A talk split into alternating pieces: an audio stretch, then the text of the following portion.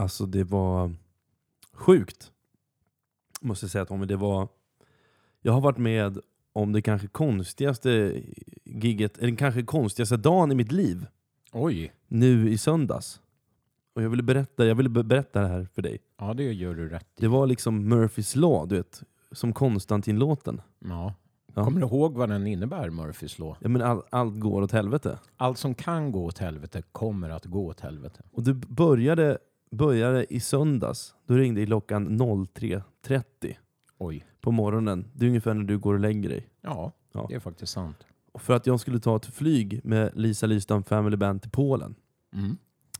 Och vi, är, ju- vi har ju varit på Arlanda massor med gånger och tänkte väl att nu lär det vara lugnt. Det är söndag morgon, det är ingen folk. Så när vi anländer 04.50, vårt plan ska gå 06.30, då tänker vi att men en, en och en halv timme innan är det okej. Verkligen. Så, men när vi anländer till Arlanda så inser vi att det är fullständig kalabalik. Det är så mycket folk överallt Wow. bara.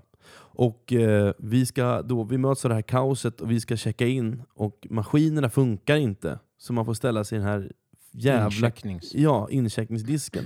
Där det är ett sjuhelvetes liv och kö. Det är kaos är det. Mm. Och alla har problem. Så vi kommer inte, vi kommer liksom inte fram. Man ska ju då checka in en timme innan. Ska man checka in sina saker. 05.15, alltså en timme och en kvart innan planet ska gå. Då kommer vi fram till disken. Och vi har med oss våra pass, vi har tagit så här covid-intyg, att vi är friska och glada.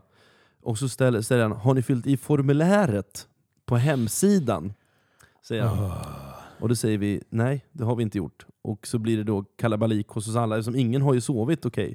Alla har ju sovit väldigt lite. Mm. Men till slut så lyckas vi fylla i det här formuläret även fast man slängs ut. Det är en polsk hemsida, så det är inte så konstigt att, man, att det inte funkar som det ska. Nej. Men vi lyckas fylla i formuläret och jag är trött och jag är irriterad. Och så ska vi gå bort till security check. Du vet, där man Ja, ja, ja. lastar Ja, ja, av sina grejer. Och, Mm. och, sådär. och där är det ännu längre kö. Det står 15 minuter och då är klockan 06.30 ungefär. Så att då, men det, går bra, vi kommer med flyget. Mhm. Och eh, vi, vet, vi är liksom sist på planet, liksom på den nivån. Ja. Så vi kliver på planet och eh, vi, land, vi ska mellanlanda i Amsterdam. Så vi landar då och allt går jättebra. Amsterdam 08.40 som planerat. Och jag går och köper en macka. Till och med att jag får ur mig ett skämt så tidigt på morgonen. Oj, oj, oj. Så jag, jag, jag, du vet ju hur holländsk dialekt är. Jag hade hakat upp mig på att det är lite kul, så att jag sa 'thank you' sa jag Mhm. till dem. Men de tyckte inte de var Ha, så kul. ha, ha. Men eh, i alla fall, vi boardar planet till Amsterdam. Jag sätter mig längst bak, jag sitter med Lisa, vi sitter och snackar lite, tar någon selfie. Och det, är, det är glada tider.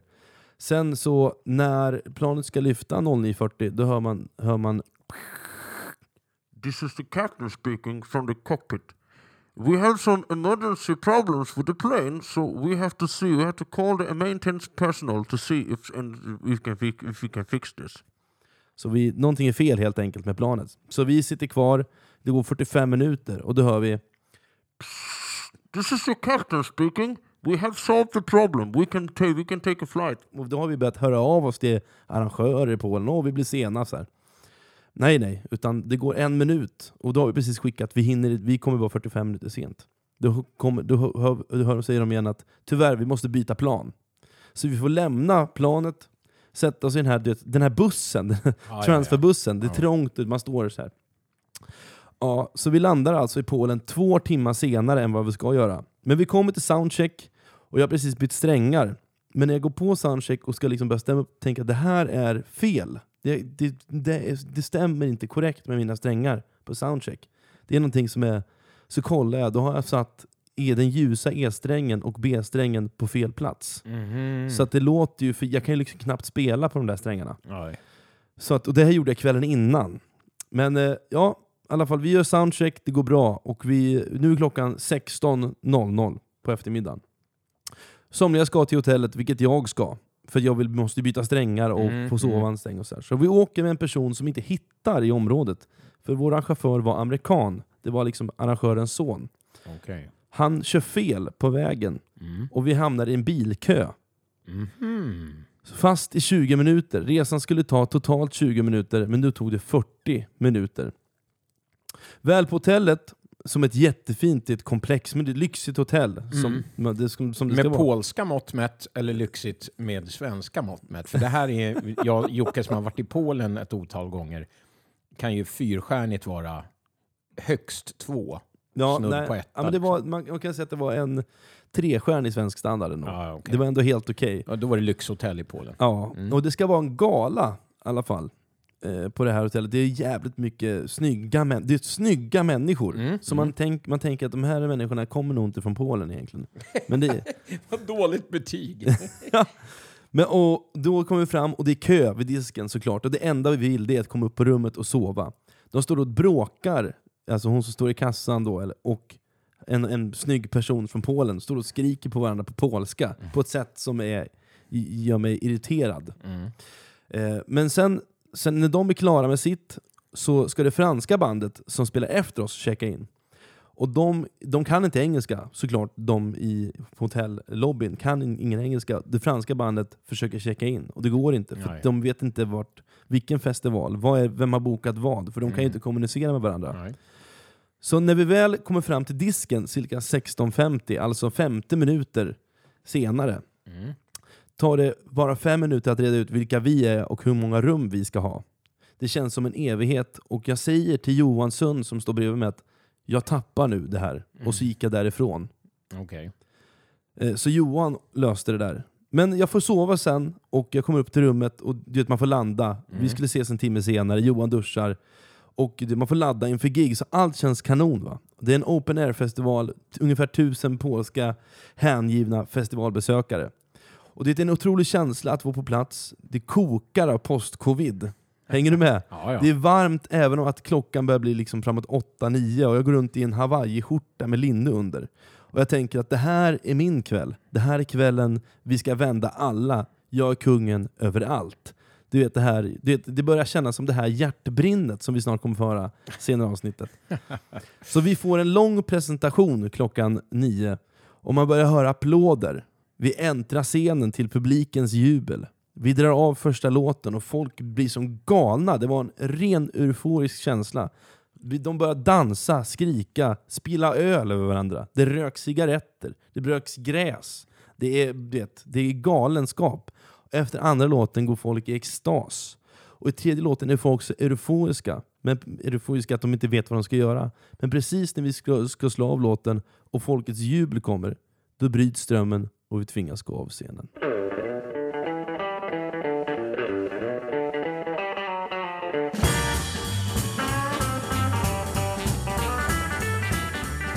ja, vilken galen inledning av episod 52, Skanky. Mm.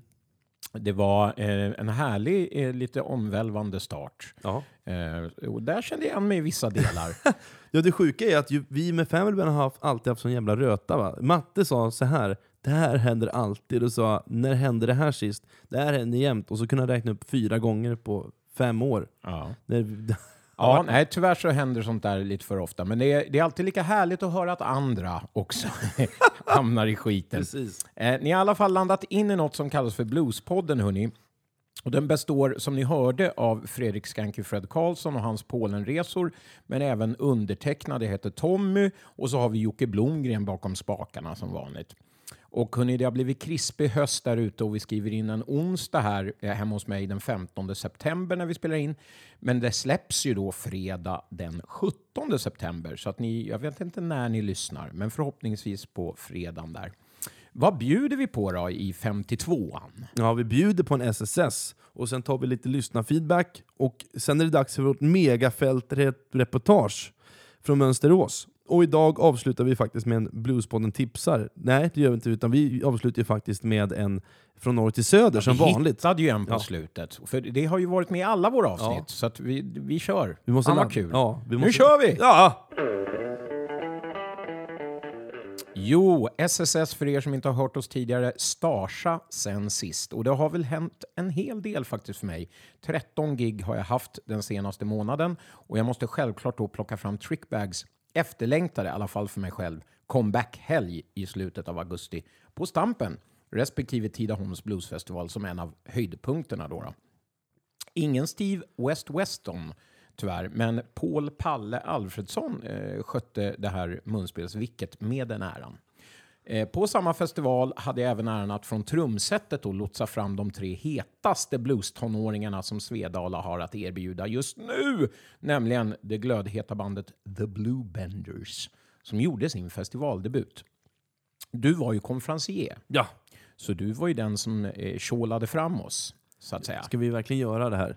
Nej, det ska vi inte, men du, du, du var ju den som sa att här kommer de, och så vidare. Mm, just det. Eh, och eh, jag säger så här, lite förmätet kanske i och med att jag var på scenen, men jag tycker att det är de tre som står längst fram som är, det är ju de som är bandet och stjärnorna. Och succé är nog inte ett för stort ord faktiskt. Eh, med tanke på att de är 17 vårar och det här var deras första festivalspelning. Eh, spelning. och jag vet att många arrangörer fick upp ögonen. Det var ett väldigt tjålande efteråt om att boka och så vidare. Så det var kul att få vara med när, när tonåringarna breakade till där. Är det andra gången gillt nu? Att du gör en sån här eh, med tonåringarna? Ja, Först med var du med Danne Cornelius och Emil Ja, just det. Jag hjälpte ju Young Guns back in the day. Och de är ju liksom så här 42-åriga eh, fyrabarnsfarsor allihopa, så det känns, känner man sig ju väldigt ung när man tänker på det. Men eh, desto roligare då när det kommer nya 17-åringar. Eh, till sist, eh, även om jag hade tänkt att hålla det här kort då, så måste jag bara få nämna kvällen som jag och Daniel Danny Cordelius, eh, ja, faktiskt från Young Guns då, som du nämnde, att vi återupplivade vårt sidoprojekt som såg dagens ljus för första gången för nästan 20 år sedan, Big T and the Blazers. Vi hade faktiskt en galet kul kväll på Stampen då och extra coolt var ett av, att ett av mina favvoband, The Hives, var där och hejade på och tyckte det var svinbra. Så då blev man lite så här Fråga nummer ett. Hur kan, glad. hur kan The Hives vara ett av dina favoritband? Du som är den största bluespuritan. Nej, du har fel. Jag är inte den största bluespuritanen. Du bara tror att jag är det. Jag lyssnar på jättemycket eh, rock och nu på slutet har jag faktiskt lyssnat en del på lite garage-rock Är sådär. det sant? Mm. Du som har så mycket åsikter. Ja, det har jag om all musik. Jag tycker att det finns två olika slags musik, bra och dålig. ja, ja. Ska jag gå över på min då? Ja, det ska Ja, jag gjorde ju då Tidaholm också med, med Family Band. Mhm. Och sen så var jag ju konferencier, så att jag otroligt meta att presentera sig själv. Och du var väl där då till och med? Nej, det var Nej, du jag inte. var ju inte det. För Nej. det här var ju på fredagen ni Ja, spelade. precis. och Men jag kom på lördag. Men Ja. jag kan du inte berätta om hur det kändes att stå där? Stod du med gitarren Ja. och beredd att börja? Ja, det liksom? gjorde jag. Med eh, min, eh, min väldigt fina mockaväst. Eh, och eh, stylat hår. Och så presenterade jag mig själv. Så jag läste liksom från vår bio då. Otroligt att du måste läsa i Ja, den. ja, ja, precis. Nej, Jag kan inte vår bio. På det, på, inte som den är skriven i alla fall. Sen kan jag ju berätta om alla fräscha grejer vi har gjort. Ja. Men ja, det var kul. Och sen så hade jag, har jag haft ett singelsläpp med eh, Puritanerna också, med Jonas Susurjo. De brasilianska ögonen. Så att säga, vår 60-talshyllning, eller min 60-talshyllning. Och så hade vi en spelning på det på Stampen. Och eh, det ironiska med det var att det var nästan bara utländsk publik som satt kvar hela kvällen och lyssnade på På dina svenska texter. ja, så då känns det som att man gjorde något rätt i alla fall. Och sen har jag varit i Kungsbacka med eh, Family Band också. Men vad härligt. var vi här i torsdags. Jätte, jättekul. Och sen Polen då, i söndags. Ja. Men eh, ja, jag tycker vi går på lyssna feedback. ja, men det gör vi hörru. Kör på. Och feedbacken denna gång står Anders Almberg för. Och ni som hängde med i avsnitt 51 vet ju att vi ställde några öppna frågor rakt ut. Det handlade ju till stor del om eh, det här nya albumet som heter Blues Time som Anders Almberg är ansvarig för att ha släppt tillsammans med Jefferson. Ni vet Bluesmagasinet. Och då eh, pratade vi om varje låt och sådär. Vi recenserar den kan man säga. Ja. Och eh, då ställde vi ett par frågor rakt ut och då fick jag neddimpandes ett par veckor efter avsnittet hade släppt ett handskrivet tre fyrsidigt brev. Vilket är väldigt ovanligt tycker jag, att man får ett handskrivet brev med väldigt snirklig fin handstil skrivet inte med vanlig penna eller tuschpenna utan med någon form av gåspenna eller liknande. Och det är då från Anders Almberg och jag kan inte läsa hela, även om det är väldigt... Eh, ni har, vi har ju läst det, jag läste högt för er här och ni tyckte ju att det var eh, galet härligt. Ja, Men vi har inte riktigt tid Nej. att läsa upp hela. Men jag går igenom den passagen som berör våra frågor. Då skriver han så här. Eh, lyssnade på Bluespodden. Det blev ju riktigt fint det där med Blues Time-CDn. Det ni spelade och kommenterade fungerade 100%. En rättelse bara. Tomasson spelar kontrabas, vilket framgår med all önskad tydlighet i CD-häftet. Vad hände med honom? Ja, han spelade på i mer än 20 år med gig runt hela världen i olika sammanhang. Främst med Go-Getters, Red Hot Max med flera. Han slutade. Han fick nog. Ungefär som jag. Så det var en liten passus ifrån brevet. Så då vet vi det att den här basisten, han spelade inte elbas någonstans som vi påstod. Och vi vet nu alltså att han är konstnär helt enkelt. Ställer Ja. ut och grejer berättar han här i brevet. Och en rätt så rolig passage om Sven som han också skrev eh, massa handskrivna brev till. Så vi tackar Tack, Anders. Mm. Almberg om du nu lyssnar på detta.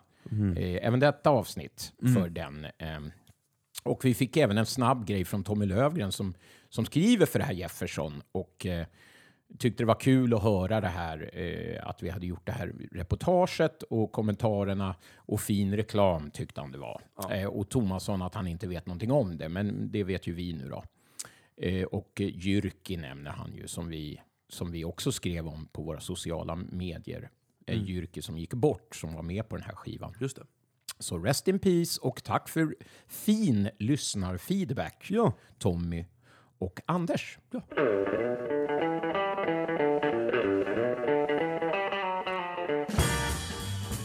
Ja, men då är vi framme vid vårt första fältreportage på mycket, mycket länge. Du och jag Tommy, vi åkte ju ner till Mönsterås Blues and Roots festival där det visade sig att vi fick mottaga årets bluesstipendium.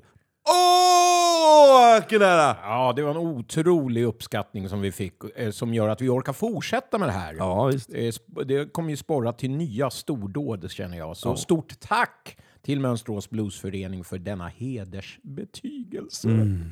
Ja, det var härligt. Ja, och denna gång sprang vi inte runt så mycket på fältet och pratade med festivalbesökare och folk på stan, utan fokuserade på artisterna och arrangören och gjorde intervjuer med dessa. Ja, precis. Vi fick ju en hel konferensavdelning då till vårt förfogande som vi gjorde om till en poddstudio. Med balkong. Mm, underbart ställe. Och där bjöd vi alltså då in representanter från alla de här akterna.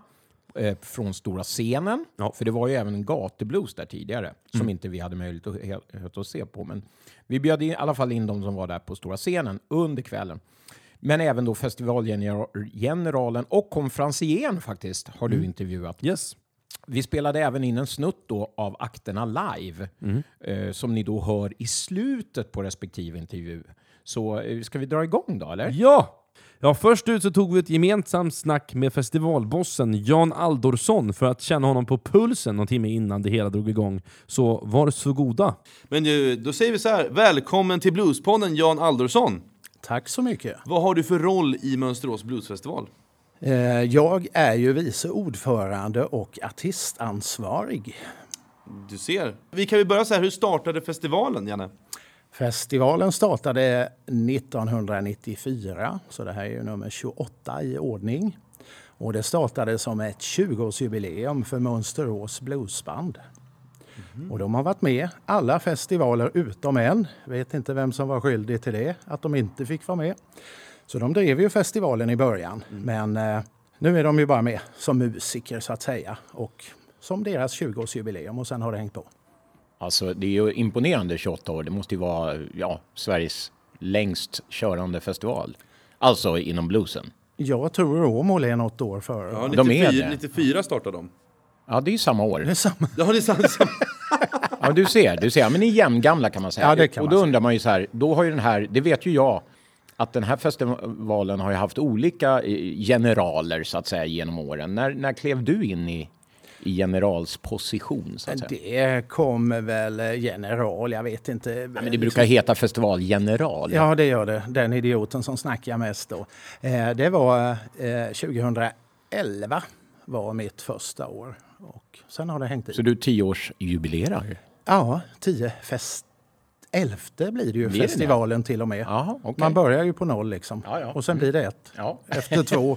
Ja, det är, jag och matematik har aldrig varit överens kan man säga. Men varför tycker du att det är viktigt att hålla just bluesfesten vid, vid liv? Så att säga? Alltså varför, varför är det viktigt att hålla Mönsterås Bluesfestival vid liv? Jag tycker ju det är ett arv för de här tre gubbarna som drog igång det.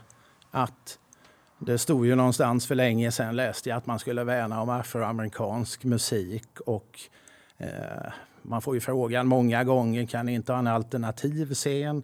Eh, kan vi inte bredda oss? Ska vi inte tilltala de som inte kommer till oss till exempel? Men eh, jag känner arvet och det är ju en musik jag tycker om och jag tycker det vi håller på med är brett nog. Vad är det bästa med bluesmusik? Eh, Och rootsmusik? Det, jag tycker det är en ärlig musik. Eh, vi kan ta hit världsstjärnor för förhållandevis små pengar.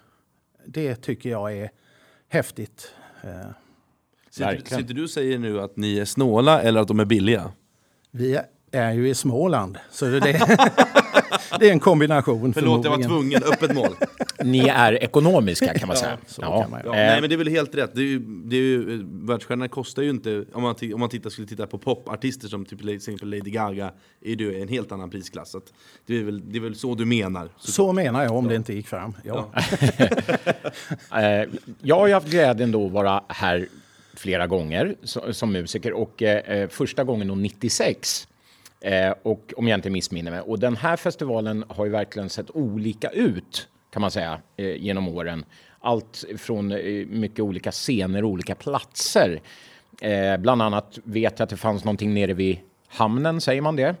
Eh, Folkets hus i Blomstermåla har jag varit på. Det var till och med en stor idrottshall där jag minns att Trickbag hade ett gig med John Nemeth bland annat. Precis.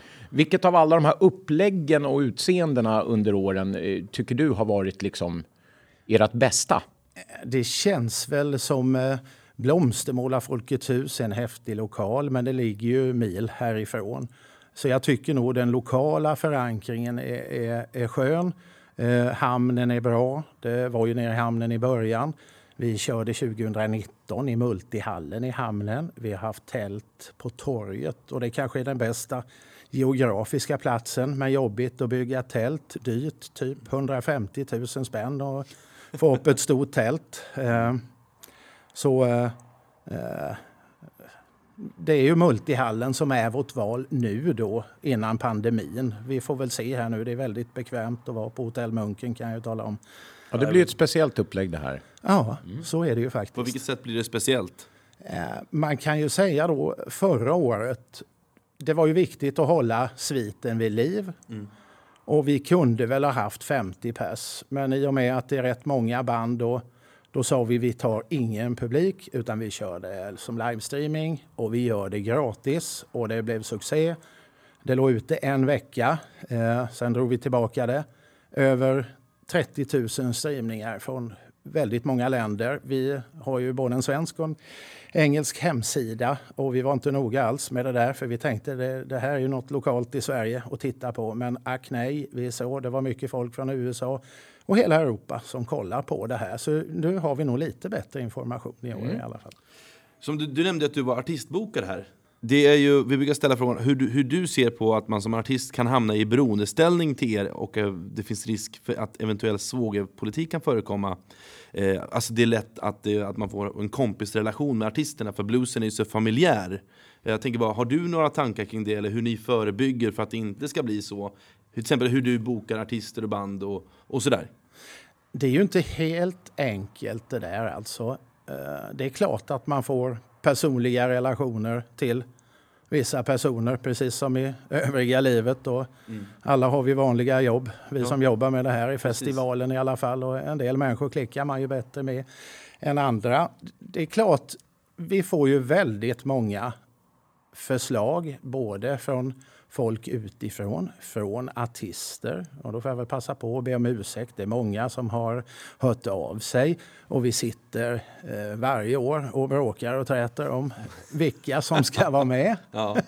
På det viset är det inte svårt att göra en bluesfestival. Det finns ju mycket artister. Sen försöker vi ju göra det här, en blandning då, med att det ska bli ett intressant eh, upplägg på det. Om jag ska få ryggdunka lite så, så tycker jag att ni som festival har haft stuckit ut lite i artistbokningen för att ni har haft ett fokus på amerikanska artister inom liksom old school-genren av blues. Chicago blues och så vidare. och att ni också har bokat liksom ett stort gäng amerikanska musiker som ett kluster som sen uppträder var för sig med olika band men även kan liksom gå in i varandras konstellationer. Så det blir en jävla häftig eh, ja, men festivalupplevelse. Och hur tänker du kring det? Hur kom du på att du ville göra den inriktningen? Nu går det, ska vi säga i år, såklart inte med, med några amerikaner på grund av pandemin. Nej, det är ju riktigt som du säger där då. Eh, jag höll ju på personligen i Oskarshamn där jag bor och körde House of Blues till exempel. Och det är ju ingen hemlighet att kan man få ett gäng och kompa två sångare till exempel så blir det ju billigare, självklart. Eh, det gäller att hantera pengarna. Det är ju ingen stor festival det här med publik räknat. Jag jobbar väldigt lite med agenter. Eh, försöker ha personliga kontakter även i USA. Eh, titta noga vem som jobbar med vem där och försöker plocka ihop ett gäng så då och har några huvudpersoner där som jag bollar med då. Och en del är ju fetnej med då direkt när man lyfter upp någon gubbe. Och ibland går det ju. Och, men låter det inte likadant om ni då har ett band och tre soloartister och jänkarna kompar de där. Men jag tror ju det känns ju lite annorlunda i USA. De är mer vana att jobba fritt så. Här är det ofta band som kör. Det har man också fått frågan. Eh, men går det liksom att ta en gubbe från eh, Roffe Wikström och en från Trickbag och, och mosa ihop. Ja, men det kanske inte är riktigt samma sak för jänkarna tror jag. Där, där är, nu blir det lite filosofiskt här i, eh, i Bluespodden, eh, uppstarten där. Men det är ju en del i deras arbetssätt, att de kan ju spela på ett helt annat sätt i Amerika. De har ju gig Nej, frågan är att de, de jobbar på ett helt annat sätt än vad musikerna där, för de kan ju spela kontinuerligt hela tiden med varandra. Här i Sverige så har vi inte den möjligheten på samma sätt, utan det kanske är i Oskarshamn då kanske ett gig i månaden eller varannan vecka, att det liksom inte finns samma typ av utbyte, om man inte är i en storstad som Stockholm, eller Göteborg, Malmö. Eh, tror jag är den stora anledningen. Fint inlägg.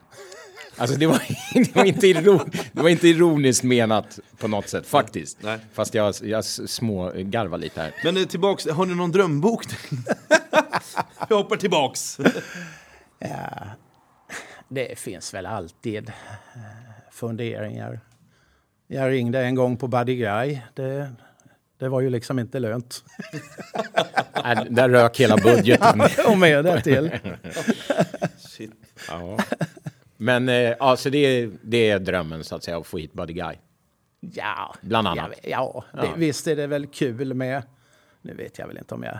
Jag har sett honom flera gånger i USA, men han blir väl nästan lite för mycket av sig själv emellanåt kanske. Ja, det blir mycket, mycket teater, eller teater, det blir mycket show för pengarna kan man Ja, säga. det kan man säga när han Ja. kommer i sin pyjamas där och Ja. grejer. Hör du, när man har dig så här eh, elfte året som sagt, du måste ha sett väldigt mycket och varit med om väldigt mycket här på festivalen. Har vi så här på uppstuds ett bästa och kanske ett sämsta minne från Mönsterås Bluesfestival? Det bästa, häftigaste som jag kanske inte tror folk fattar, det var när John Primer var här 2013. Då är jag här. Då var du där med. Var du med Tommy? Det är möjligt. Det är möjligt. Jag Jo, du har ju sett den. De var sex man på scenen. Sex gubbar från USA som var och en har egna band. Var och en ger ut plattor i egna namn. I min värld Oj. kanske det var det mest meriterade band som någonsin har varit i Sverige, gubbe för gubbe. Alltså. Ja. Det, sånt ligger jag och drömmer om, om nätterna. Ja, men tänk, tänk om fler festivalgeneraler kunde drömma sådana drömmar. Fast det är jag som tycker så. Sämsta då? Hade du någon sån? Det är ju inte så, det är ju en negativ klang där, men Nej, men det är väl inte... Vad heter hon? Katie någonting från England. Kraschade med bilen på väg till flygplatsen. Så det var ju inte så skoj. Och överlevde hon då? Hon överlevde då, men självklart blev det ju ingen spelning här då. Men, eh, det vet jag, Virginia Pilblad tog över den.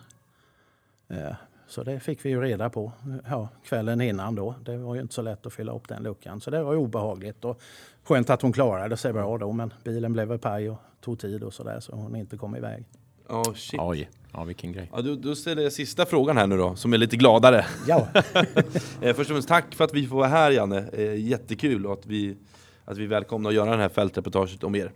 Eh, men det blir minst sagt en speciell covid, som det är covid då, att det blir en speciell festival i år. Men vad har du några förväntningar? Något speciellt band du ser fram emot att, se eller? jag menar något eh, som jag inte tror folk har hört så mycket. Det är ju Clarice, Little Gunnas hustru. Väldigt bra bokning. Det tror jag kan vara en överraskning kanske. Ja. Verkligen. Ja, positivt. Kul. Ja. Jag har hört den, jag, jag det säger ingenting. Det vill inte vara en spoiler alert här.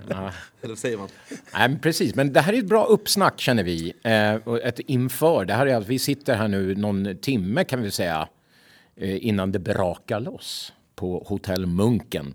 Så att vi får vi se Janne om vi är, vi, så vid god eh, vi- vigör heter det efteråt så att vi kan ta ett eh, sån här uppföljningssnack också. Ja, det hoppas vi. Ja. Det gör jag gärna. Klockan två i natt eller något sånt. Ja. Välkommen tillbaka! Välkommen tillbaka. Tack! Tack! Ja, då är vi igång hörni. Ehm, och det, jag tycker det är alltid lika kul att snacka med herr Aldorsson. Eller vad säger du? Ja, vilken hjälte. Eh, och nästa intervju går vi raskt vidare till då. Eh, och den tog ju du Fredrik med frontmannen i kvällens då första akt. Ja precis, också grundaren till festivalen, Kalle Engström från Mönsterås Blues Band. Yes. Ja, man får väl ändå kalla han lite för legendar va?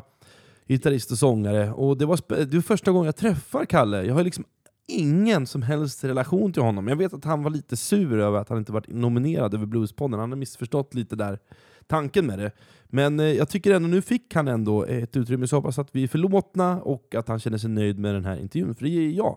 Ja, ja, det var en jättebra intervju. Nu kör vi. Nu kör vi. Så här, välkommen till Bluespodden, Kalle Engström. Tack så mycket. Kul att ha dig här. Ja, det var roligt för det, jag, har bara, jag har kollat in den och, och lyssnat på den men inte varit i närheten av Nej, den men nu, nu får du vara här Ja. och bli intervjuad på Mönsterås Bluesfestival. Ja, I det som vi kallar för fältreportage. Ja. Och så är det stundens hetta, det en halvtimme kvar tills du ska gå på scenen va? Ja, ungefär. Ja, just det. Och hur känns det inför spelningen?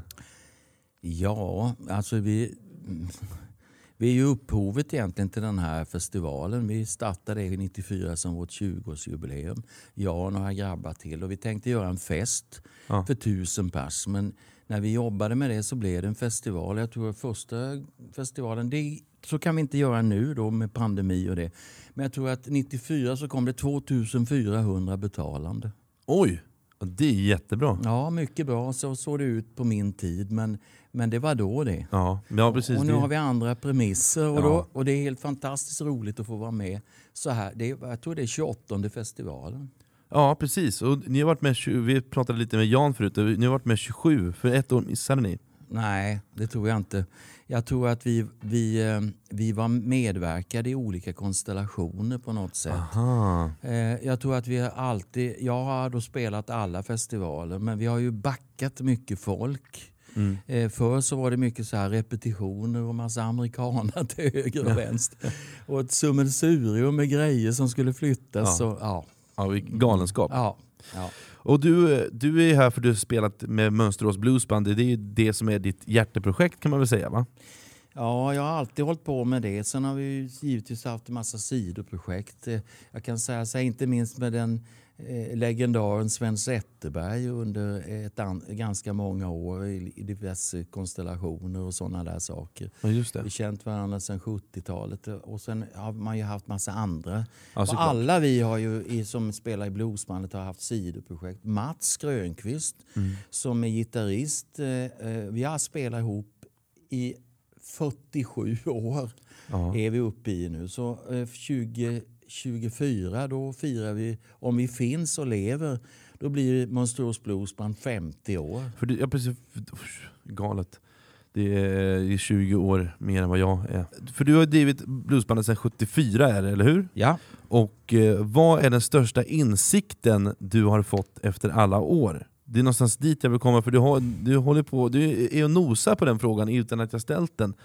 Men liksom vad, det är världens äldsta bluesband, men vad, vad är det största, vad, är det med, vad har du lärt dig?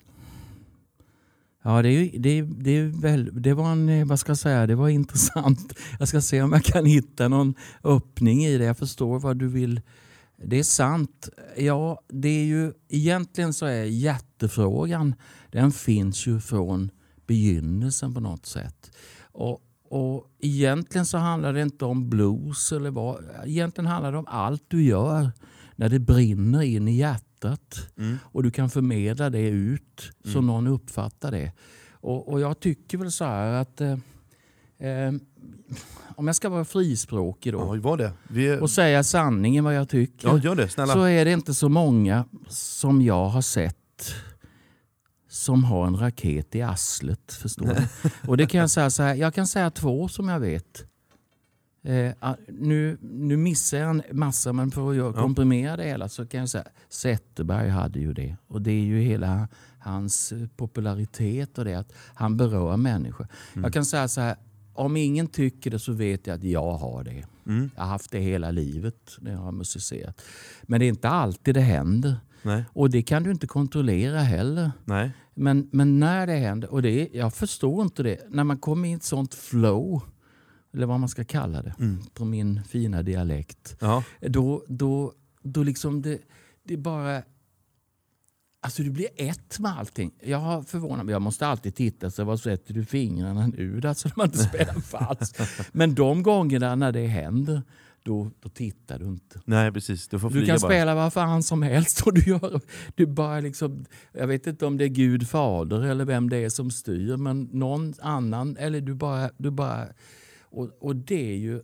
Det, är ju, det längtar man ju efter. Jag kan säga så här, jag har upplevt det faktiskt i sommar, kanske för att det har varit upphå, uppehåll så länge. Ja. Så, Visste du att Mönsterås Bluesband har en Wikipedia-sida? Vet du vad Wikipedia är? ja. Ja, visste du att ni hade en? Jag har sett det någon gång, Ja. Eh, jag- men det var länge sedan. Men, men, någon, men jag vet inte om det är rätt inf- info där. Ja, vi, får, vi får väl se, för då, nu har jag en fråga. För På den kan jag läsa att ni har både svenska och amerikanska texter. Och då undrar jag, hur blev det så egentligen?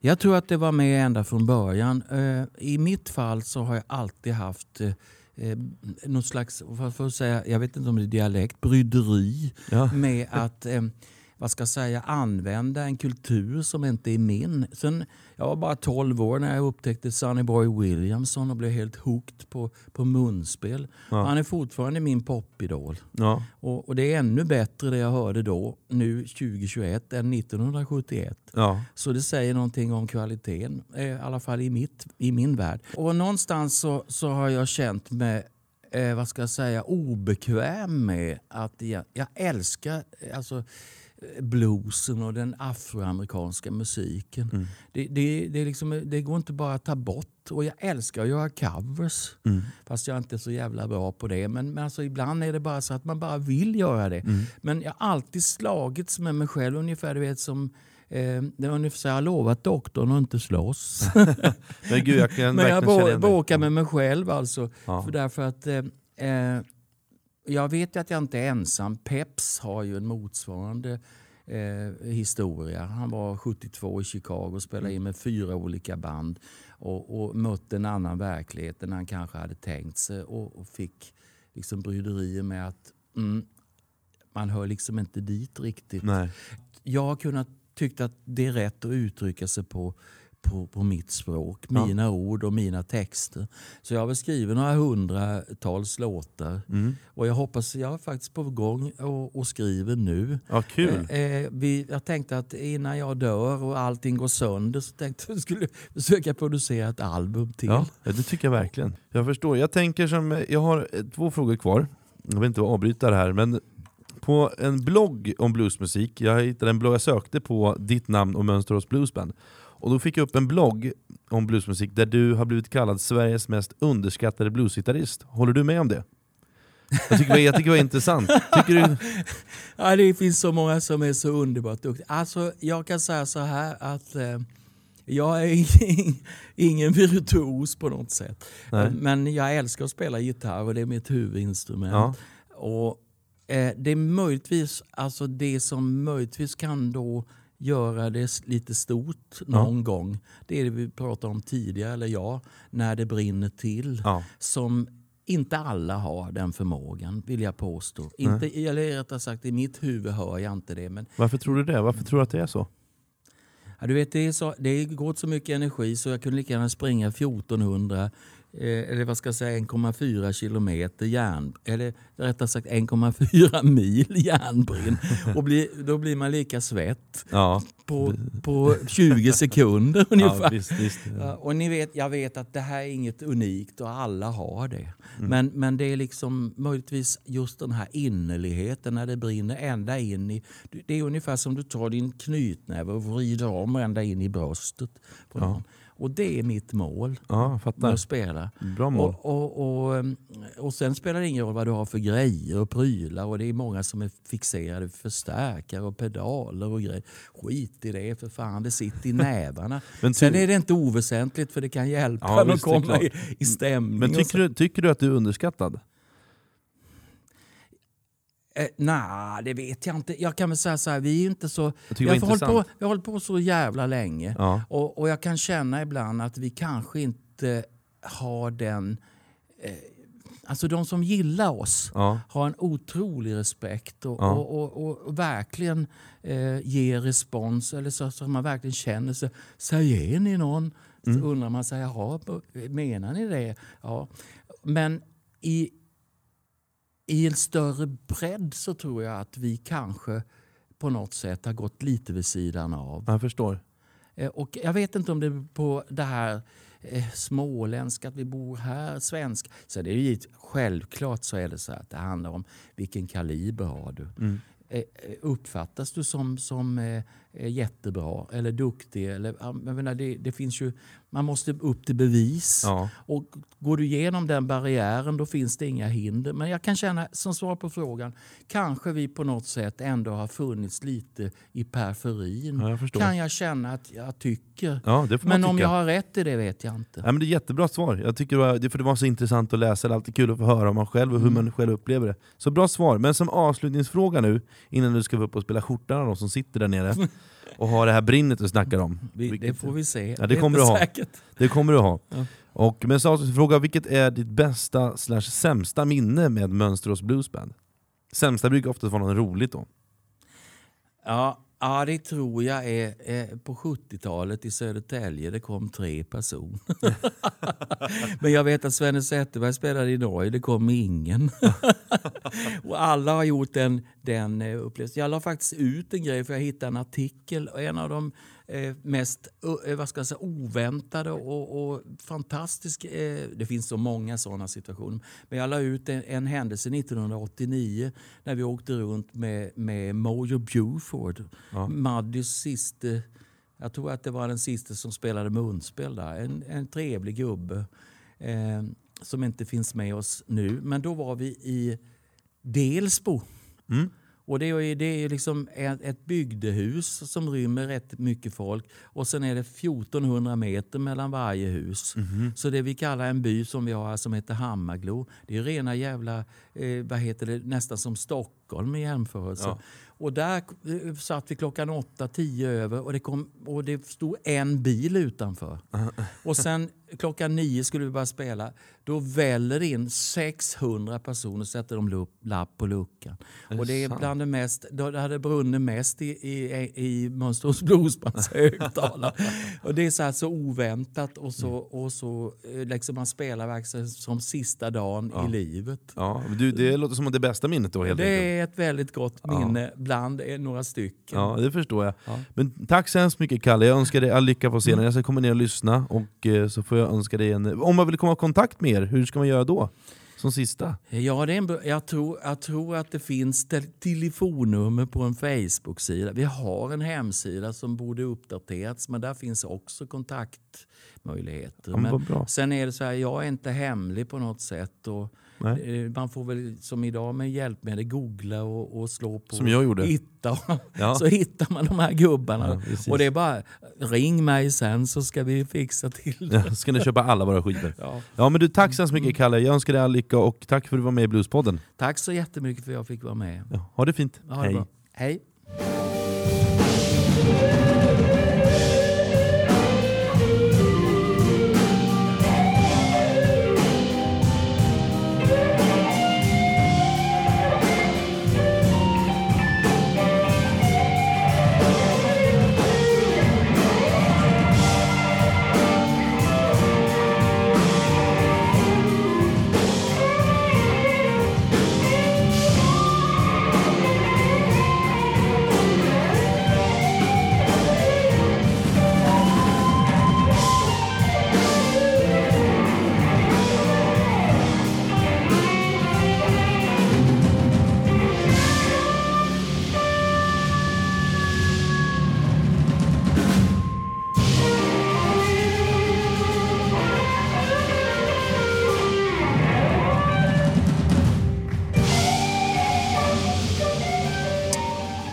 Tack Fredrik för en fin intervju med Kalle. Och eh, ni fick då höra en liten livemusiksnutt där också med Mönsterås Blues Band. Ja.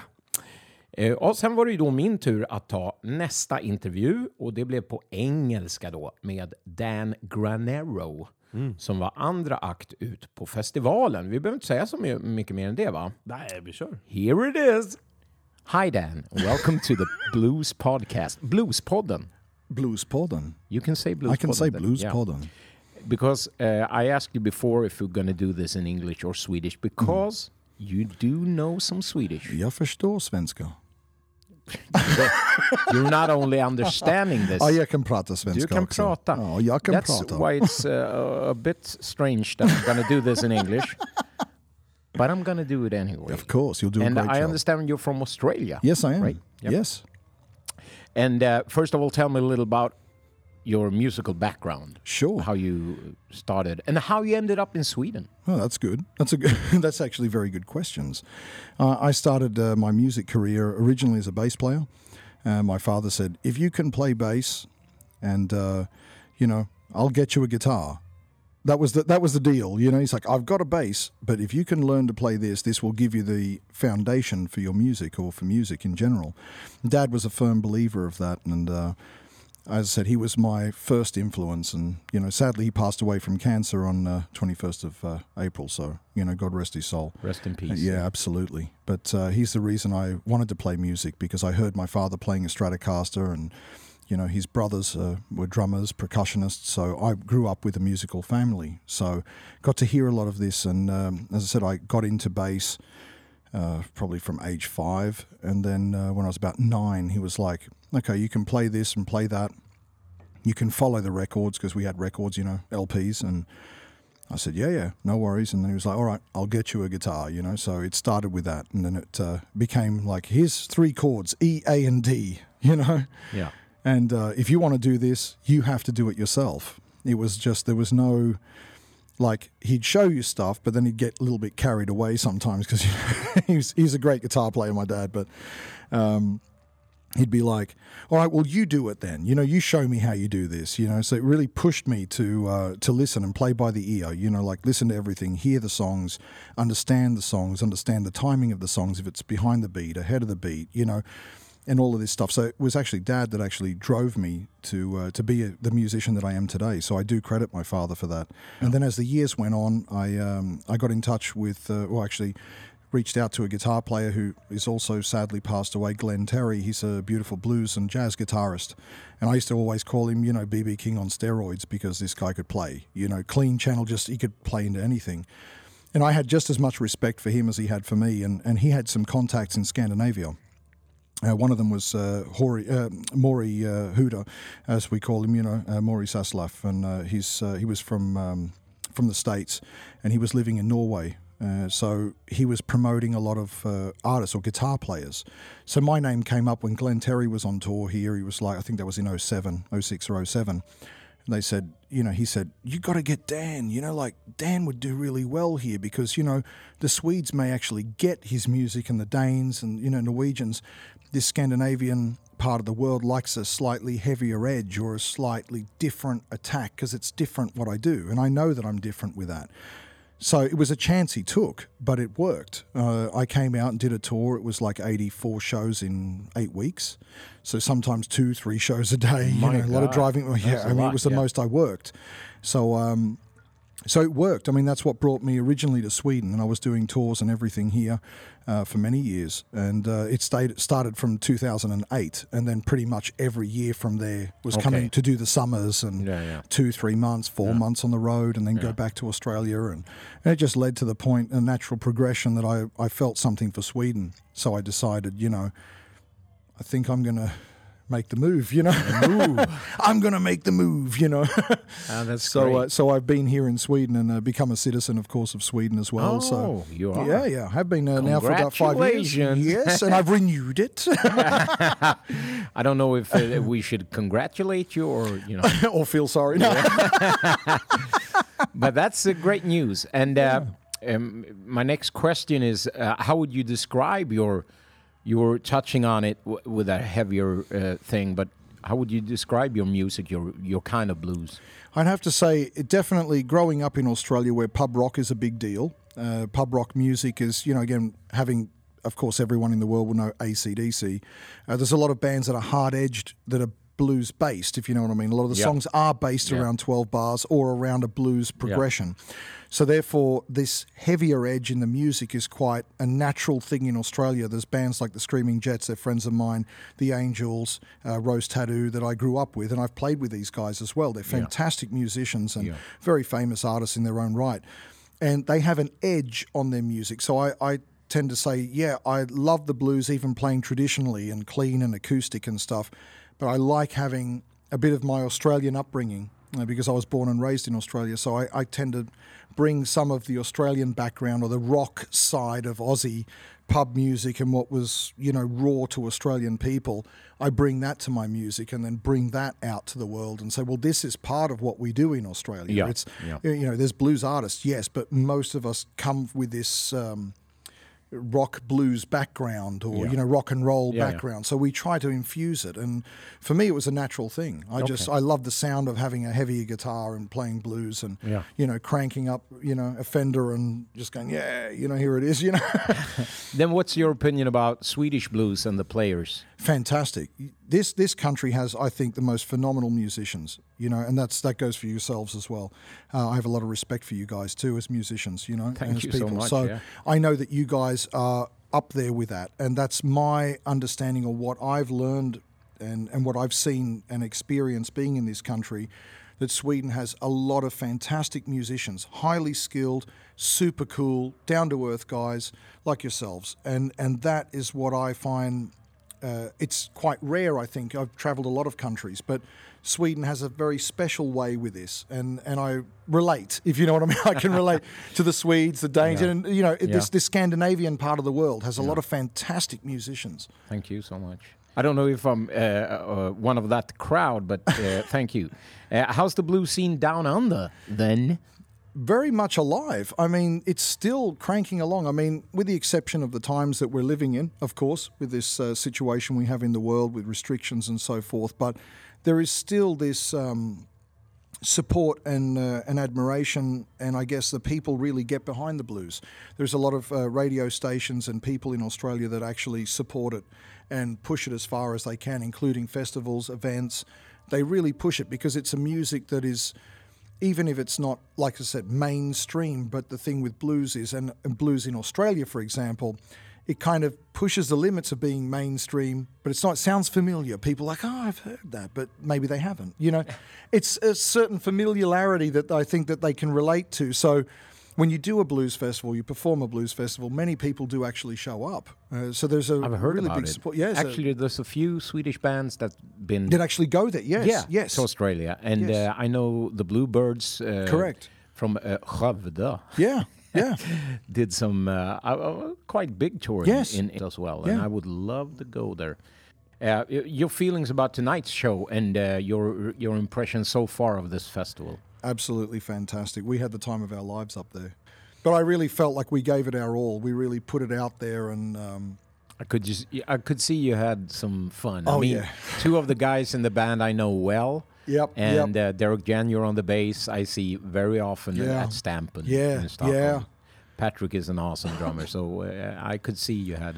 Oh yeah, there's definitely a connection between us. Uh, when we've started working together, I believe it was a few years back uh, as this lineup. I've worked with Derek, as you know, for for some years now, and with Patrick too. Uh, so it's been on and off, you know, depending on where everyone is, because everyone works with different bands, including myself. I do session work too. So um, we started with this this experiment of putting this lineup together with Derek and Patrick and uh, we took it to uh, we played Hoy Rock some years ago 2019 i believe was the last Hoy Rock when they had the festivals of course they've been cancelled Yeah, the last yeah. couple of years uh, we tried this lineup and um, Do you prefer? uh, Excuse me Sure. for interrupting, but do you prefer the trio setting, or do you want uh, maybe a keyboard player on you the side? like that's a really good question because i like it sort of it's like flavor you know what i mean? It's um i've worked both with having hammond players Yeah. as well as having you know so we have this extra dimension in the music. And i like it equally. I think that the thing with a trio is that it becomes more power trio uh, for myself you know? And again, because I liked hearing, you know, Jimi Hendrix as a trio, Stevie Ray Vaughan as a trio. Not that I have anything against when they had other musicians, but uh, it was just this thing, and the same thing even with ZZ Top being a power trio. You know, playing power blues. You know, and these these types of things was like, okay, well, how can you know how can I do that? Because I I love that sound. I love the rawness. That there's nowhere to hide. You know, No. uh, you really got to you know think and it's not so much that you overplay sometimes it's what you don't play that works so again depending on the combination of the musicians i have uh, in trio setting this works fantastic as i said with, with derek and with patrick i've also done derek and patrick with keys as well and with anders on sax as well that we had him as well so there's like some options that it's nice to bring in and, and keep the flavor going as we go so sometimes it's uh, it's nice for a change and give the people something different too Yeah. Yeah. Great. Uh, so for my last question, where can one find your music and uh, Yeah, that's a good question. and you? if You they're can find me interested. here. in- yeah. Yeah, no, you can find me on Spotify, of course. Um, the uh, the albums I have out there at the moment are on Spotify. Yeah. Uh, so if you search for Dan, Under your name? yeah, under my name, Dan Yeah. Granero, as just a solo artist. iTunes as well, Amazon, uh, CD Baby, for example, they're, they're all on there, and you can also go to dangranero.com, and there is links that will take you to uh, to the places to uh, to purchase the music or check out more. Yeah. Uh, most of my information is on the website, the home site. So Okay. just yeah, Great. Thanks for having us uh, and thank you for uh, giving us our time here at Bluespodden. You are Tack så mycket för, uh, från Bluespodden till dig. Tack så jättemycket min vän. Yeah!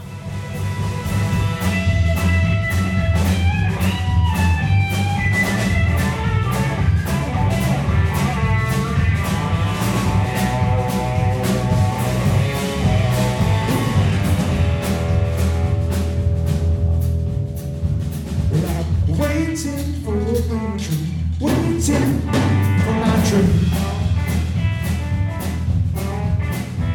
I'm waiting for the train, waiting for my train.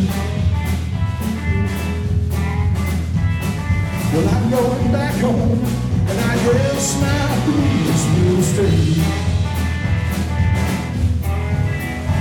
Well, I'm waiting for the train, waiting for my train. Well, I'm waiting for the train, waiting for my train. Ja, där hörde ni trion med Dan Granero på gitarr och sång och Derek Jenner på bas och sen min bandkamrat Patrik Tellin på trummor. Tack Tommy för en bra intervju. Varsågod. Eh, sen var det dags för en helt ny konstellation på scenen. Eh, och den är väl inte helt ny, kan man väl inte säga, men eh, ny för Sve- Blues-Sverige får man väl ändå säga. Ja, jag tror inte jag har sett dem sådär live Jag såg, tidigare. jag såg dem på Stampen faktiskt, men de är ju nya för Blues-Sverige. Ja. Och något så ovanligt som ett äkta par i samma band, Gunnar och Clarisse Moemba Lidström. Du och jag intervjuade dem tillsammans Tommy efter deras framträdande och det lät så här. ja, då sitter vi här med Bluespodden och Gunnar och Clarisse Movemba Lidström. Välkomna. Tack så mycket. Hur kändes eran show? Ja, du, Ja. det säger du. De tittar Nej men, på varandra. nej, men det, det kändes bra.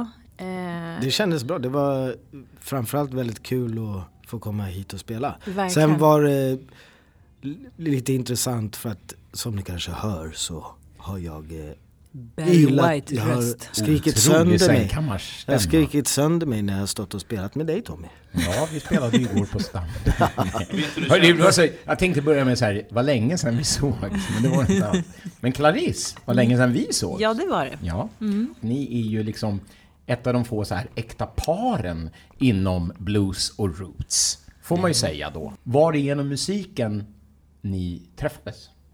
Eh, ja, alltså det måste man säga ändå att det var. För att jag spelade med en jätteduktig sångerska som heter Linn Sigurdsson. Mm. Ja, jag var med i hennes band. Hon hade ett projekt och gjorde en grej och då spelade jag och hon kände ju Clarisse på samma sätt. Så att Clarisse var på ett gig Just det. eh, när jag spelade. Men så fick inte jag träffa henne. Så vi träffades efteråt på Linns eh, födelsedag faktiskt. Ja. Och då sågs vi. Och det var lite Men eh, kärlek i- första gången jag såg dig, eh, Mm. du spelade med Linn och eh, alltså det gigget var ju himmelsk. Det var ju magiskt. För att Gun, jag hade aldrig hört en gitarrist spela så bra. Alltså som spelade som en gud här i Sverige. Så att jag var liksom... Jag blev frälst alltså. Jag tyckte du, du var... Nej men du var, du var grym alltså. Får man fråga, alltså jag tycker, jag observerade er närvaro på scenen och tänkte, den ser så himla, himla kärleksfull ut. Man kan liksom se från er båda hur genuint det känns mellan er, tycker jag. Eh, sådär, och eh, var det kärlek vid första ögonkastet? Får man fråga det? Eh, det, det var det. Ja det var det. Du Absolut. ville ju... Jag ville liksom bara... Oh, du Ja, du ville hem till mig på en gång. Ja, som alla såklart. Men, det är så gammalt. Nej jag ska, Nej men vad heter det, det var framförallt för att man känner att man träffat någon som man liksom hör ihop med. Ja, och det är mer det som är grejen. Sen är ju inte, vi är ju otroligt mer, vi är ju som Ike än Tina. Nej det är Hela inte. tiden. Fast hon är Nej. Ike. Ja. ja, i och för sig. Du outar Jag outar det. är, ja, men för folk vill ju gärna dra den referensen när man Ja, är ett par. det. Att Ja, jag ja, tänker att så här, okej. Ja. Det är härligt att se där uppe och, och den eh, iakttagelsen gjorde jag också just att eh, liksom mitt under låtar så gick ni fram och viskade saker till varandra och liksom så här, ska vi göra så här, ska vi... Ja, just Så här, det. som, liksom, ni planerar under resans gång. Ja, precis. Vilket bara par kan göra egentligen. Eller hur? Annars blir det såhär, va? Vad sa du? Nej men gå fram och säga, glömde disken. Du glömde slänga soporna! Kom igen nu! Ah, vad kul. Känns det skönt liksom att komma iväg nu? Nu är ni ju iväg, för ni har ju tre barn, eller hur? Ja, det har vi. Och eh, nu är ni iväg och bara kör en grej tillsammans i fucking Mönsterås. Hur Det känns känns- det? Ja det känns ju såklart Jättebra. jättekul att få göra och sen också få chansen att hålla på och göra musik ihop. Det är Ja, det som är verkligen. grejen. För att det är inte så jävla lätt, det är Nej. pusslet. Eftersom liksom familjesituation och jag är 24 timmar om dygnet på Stampen. Och liksom, och Clarisse jobbar också. Ja, och jag menar det är, det är ett pussel, men det är ju någonting som vi vill göra. Verkligen. Liksom. Vi får se, jag hoppas att det kan bli mera. Liksom. Ja, verkligen. Ja, på min lista här står det, när kommer skivan? Aha, oj. Ja, det, den finns en idé om den. När och hur den kommer, det vet inte jag. För att nu har vi ju liksom, vi har ju liksom inte ens egentligen ett riktigt satt band utan vi har ju Nej. varit liksom lite olika varenda gång. Så att det är mycket det. Och sen hur man ska göra det och hur, hur man vill och vad liksom. Men vi har många idéer, det Ja, har vi. det finns många som är- idéer. Det finns många jag har tänkt på som jag skulle vilja spela in det hos och med. Mm. Eh, och även kanske du vet såhär co-writa lite låtar. Ja, som till exempel, ja men du vet sådana som Björn Vitanen och Anders Levén och sådana Mm. där som man, man diggar deras idéer och sånt där. Och sen, För Björn har ju du ett eh, samarbete med Ja. sedan länge Ja. med, med att eh, Vårat- knocka Greg and the Dukes. ja exakt, där har vi ju spelat mycket. Och, och hur kommer det sig att det blev den här eh, konstellationen nu då med Torbjörn Eliasson på keyboard, Lars Näsman på bas och då Björn Vitanen på trummor plus er? Det var bara för att jag, det är ju så här musiker som jag tycker om att spela med. Alltså det är ju mycket det det handlar om. Att, att man liksom, man får ta, men vi gör så här, det här blir bra och det är folk som är också är vana vid, man måste ha lite sådana som är, På uppstuds ja, liksom. och ta uppstuds, liksom köra den där jänka-grejen. Och de är alla bra på det liksom. Ja, det kan man lugnt säga. Eh, hur kände ni då, liksom spontant? Är det, känns det som att det went well over, så att säga? Ja, ja men alltså, alltså det kändes ju, det är kul. Jag är ju mest, mest peppad för att jag får göra någonting ihop med Clarisse. Ja, så- ja. Det är, det är, bara det är en, är en vinst Ja, i sig. verkligen. Men sen så blir det ju, Detsamma det, det dig. var kul, det var ju kul men det var lite udda den här grejen med, med, med stream och sitta, man ser att det sitter det. folk. Och man tänker, man vet ju också själv hur oftast, hur platt det upplevs. på andra sidan rutan. Men liksom, det är ju som det är. Det är, det är, vi, är under en, vi är under en pandemi och det är de grejerna som gäller. Och det är liksom, det är svårt. Men Ja, alltså ni gick ju fram till mig i alla fall, som Ja. satt på andra raden. Men eh, jag måste säga att det är en jävla energi mellan er två. Som bara, den går inte att värja sig ifrån. Så att, alltså kör nu för fan. Ja. Det vore så kul om ni hade ett projekt. Säger jag som att, ja, kom igen nu! Men ni har säkert planer på gång som inte jag vet om. Eller vad säger du Fredrik? Jag har två separata frågor till er båda Okej. som jag skulle vilja ställa. Och då börjar jag med Gunnar. Du har ju likt mig Gunnar vuxit upp delvis på Stampens bluesscen, har ju du berättat för mig. Alltså, Mm. du, det var där du fick komma upp och ta dina första stapplande steg. Delvis. Delvis. Ja, delvis. Ja, ja. Eh, och att det var tu- ett tuffare klimat då. Idag är, ju, idag är du en av Sveriges bästa gitarrister, i mitt tycke. Och på vilket sätt tycker du att det var tuffare då? Och hur tror du att det har format dig? Och ja, tack för att du känner så. Jag, det eh, mer att det har format, det är de människorna som jag har varit runt. Alltså de första som jag började att sitta in med och fick chansen att spela var ju, var ju Alan Finney och så, så var det Eric Bibb och sen så var det Chuck Anthony och en snubbe som heter Derek Huntsman som tyvärr inte finns kvar längre. Och det var liksom de här människorna, och det var ju runt Kaos och Lilla Maria och sen var det någon gång i Stamp och sen var det Sven eh, Zetterberg som var liksom verkligen så här tog med, tog med mig. Men grejen, det var, på det sättet var det hårdare för vissa av de här andra musikerna man satt in med dem, spelar man inget bra då fick man ju bara, det var ju liksom bara sluta, du vet, vad håller du på med? Du? Någon har dragit ut sladden någon gång och sådana där grejer. Men jag har för, förlåt att jag avbryter det, men jag för, du har berättat för mig typ att det var någon, jag kommer inte ihåg vem det var, men det var någon som sa så här typ att ditt gitarrspel ska vara nästan så som du pratar. Man pratar inte, du vet så här flera ord och du, har, du andas inte exempelvis. Nej, Förstår du vad jag, jag vet inte om ni Ja, förstår vad jag menar. vad du menar. förstår Ja. också vad du menar. Att det var bara spel och så Ja, inga- inga precis. pauser. Ja. Ja men och sen så var det, man var inne på liksom olika grejer. Sen, sen så var jag också en viktig person eh, nu när jag tänker efter var ju också även Janne Rosenqvist. För att när jag kom på Kaos då var han så här extas över att jag var väldigt liten och kort. Närmare liksom golvet. Ja, närmare golvet än någonting annat. Oj. Och hade en stor Flying V-gitarr. Ja. Som var, caset var ju lika långt som mig så det såg ju jävligt roligt ut när jag kom in där på kaos. Och han var ju liksom i extas och tyckte att det var kul att jag gillade blues. Så att jag fick ju så här kassettband som han hade spelat in med samlingar på olika grejer. Så jag fick ju höra massor med saker väldigt tidigt. Alltså som var så här, ja men han sa, han bara, det här ska du lyssna på, det här ska du lyssna på. Sen var ju han väldigt öppen, han gillar ju allt möjligt. Han gillade ju saker som var modernt och rockigt och alltihopa. Ja, men han var också viktig, att man fick liksom, man fick, jag vet inte om det riktigt svarar på frågan om att det var tuffare, men det var liksom, det var inte så lätt. Nu är ju de här jamscenerna mycket mer inbjudande och Precis. mera liksom, kom in och du vet så här. Precis, för jag tänker, det är det, det är det jag reflekterar över att att när jag växte fram att alla var så jävla schyssta och att vi är ju så schyssta idag och jag tänker, min sista fråga är ju, tycker du att det är bättre eller är det sämre? Eller det som var bättre då var att det var mer krogar och pubbar som hade livemusik.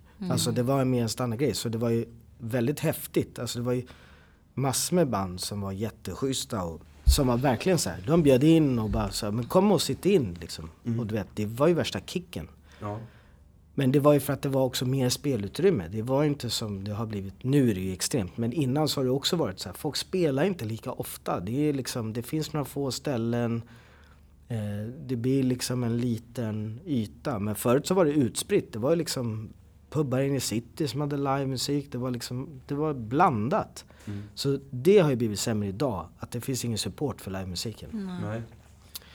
Ja, Vi, vi är ju mitt inne i i en jävla konstig period och det är ju du verkligen.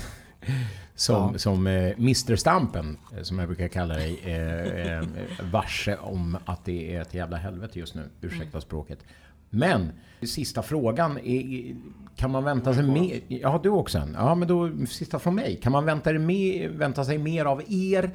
Eh, kan det bli liksom någonting som vi får se framöver? Ja, det, alltså vi kommer garanterat spela mer live. Oh, ja. Det kommer vi göra. Och sen så skiva, det låter vi ha osagt. Men det kommer en. Det är såklart att det, vi gör en. Men sen när och hur, det får vi se. Men live kommer det bli mer, absolut. Spännande, jag ser fram emot det jättemycket. Ja, kul. okej. Eh, och jag tänker då vänder jag mig till dig Clarice. Ja. Eh, och jag tycker du är helt fantastisk på att sjunga. Blir så imponerad. Ja, tack så mycket. och, eh, eh, och du har ju både frontat och backat som jag har förstått det som kända och okända. Ja. Bland annat Solutions har ju du varit med i. Ja. Bandet Soul, kan man säga att det är soulrockband? Eller bara soulband? Eh, Det, Ja, det det, var, var- väl klassat som soul, Ja. tror jag. Men ja, det är med några rockmusiker Ja, just som det. gillar soul också. Precis, Ja. exakt. Men Ja. hur, hur, skulle du, hur skulle du reflektera på din karriär idag? Och vad har du för drömmar och visioner för framtiden? Ehm, nej men jag, eh, jag vill ju hålla på med musik och jag vill gärna göra en konstellation med, med Gunnar, med min man. För jag tycker att vi har, vi har en grej som, som, eh, som är unikt på något sätt. Ehm, Verkligen. så att ehm, det, det är det jag vill göra. Och det vill jag också göra för att mm, visa för våra barn också att vi, alltså, man har ju fått höra det så här att ah, par kan inte göra saker tillsammans, de kommer att splittras eller något sånt där. Att det, är liksom, det blir förbannat eller vad man ska säga. Men jag, jag, eh, jag håller inte riktigt med. Jag Man, tycker man att... får ändra det så att det blir förbannat bra. Ja, precis. Precis. Men eh, tänker du att du vill spela, att du vill livnära på musik i slutändan? Eh, ja, i, i, i slutet, om det går, Mm. så gärna för mig. Jag Det tycker att, Hon skulle ju, nu är hon så blygsam, det skulle hon ju redan kunna göra Mm. egentligen hela tiden. Men det är också det här med, vill man vara liksom yrkesmusiker då måste man ju ta alla jobb. ja, precis. Och det är frågan är om man vill göra det. Jag Mm. menar Clarice är ju Jag har gjort lite allt möjligt som sagt. Jag har ju, jag har ju ehm, fantastisk jazzsångerska. Ja, jag har utan- sjungit jazz. ja. Eh, jag är uppvuxen med afrikansk gospel. Ja. Eh, när jag var liten så var vi i kyrkan i princip tre gånger i veckan och Mm. körde, körade och körde mm, och spelade flöjt och ja, allt möjligt. Det var verkligen... Cool, så är du, kommer du från musikalisk familj? Eh, min mamma sjöng eh, och min morbror är eh, ska man säga, låtskrivare som, som, som skrev låtar framförallt under 70-80-talet för kongolesiska musiker och sådär. Eh, och sen min pappa, han vet jag faktiskt inte för han gick bort när jag eh, var rätt så, alltså jag var ju typ åtta år eller nio år. Men, eh, men vi har en, en stor LP-kollektion med ja, de är hemma. Ja, de, det är allt möjligt. Så att jag tror faktiskt att han, han kanske inte sjöng men han, han lyssnade väldigt mycket på, på allt möjligt. Alltså, Spännande. ja. Men det finns musik i, alltså jag har ju träffat många utav familjemedlemmarna. Och det Ja, finns alla ju, sjunger. Det finns ingen som inte är så här. Och hon, en utav hennes bröder till exempel, han har ju varit med på ett gig och Ja. aldrig sjungit, stått på scen någonsin. Han Ja. gick upp och folk bara Du är Mar nya Marvin Gaye. Det, är så här. ja, verkligen. Så det, det var väldigt roligt. Ja, och det var också, faktiskt. folk bara what? Det. Och han har aldrig, han har aldrig stått på en scen. Det är sant. Ja, Shit. Natural talent. ja. Men ser ni, ser ni då att era barn kommer syssla med musik också? Är det någonting som... Ja vi tvingar dem hela tiden, varje dag. Vi är så, så här, Tre timmar om dagen. ja, Jackson, Beyoncé-familj, vi bara kör. Alltså grejen är att jag har ju sett alla tre sjunga. Så att du vet, det tårades i ögonen. Ja, ja men de, Vi sjöng de, ju till dig på din Ja, det gjorde de. Så de sjöng. ja, men de Och gillar de att hittade på faktiskt. De skrev texten själva och, och melodin och allting. Helt själva. Ja. Galet bra. Bra. Tack så hemskt mycket för att ni så mycket. orkade. Du med ingen röst och du med all röst. Ja. Clarice. Det är bra. Tack själva. ni ville tack vara med i ni Bluespodden. Ja, tack, för att vi fick, vara med. Och grattis till ert eh, stipendium. Stipp, Ja. Eller exakt. pris. Mitt i allt. Ja, vi fick en liten Ja. grej där. Ja. Har du fått pengar eller? Det är faktiskt mitt första stipendium jag vinner. Så här i vuxen ålder. Så det känns jättestort. Gud vad kul, grattis! Tack så mycket. Verkligen. Tack ska ni ha. Tack Ja, så mycket. tack så mycket. Hej då.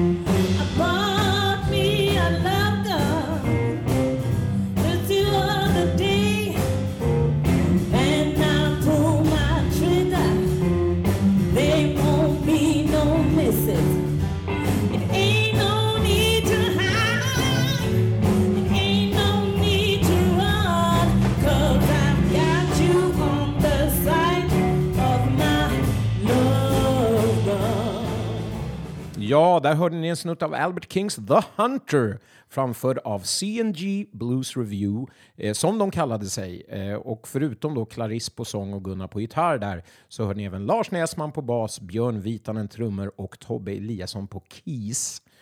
Och eh, trevlig pratstund måste man ju säga att det var med Clarice och Gunnar. Ja, verkligen. Det var kul att få med Gunnar i en intervju. Han har ju inte varit med i någon podd förut. Han är lite hemlig sådär Ja, när det kommer precis. till eh, det offentliga. Ja, men det var och kul. nu ställde han upp med eh, knappt någon röst kvar. Ja, så det, men det var kul att han var med och otroligt bra. Jag ser verkligen fram emot att se vad de här kommer företa sig, kan man säga Ja, så? verkligen. Man vill se mer och höra ja, mer av det där. verkligen.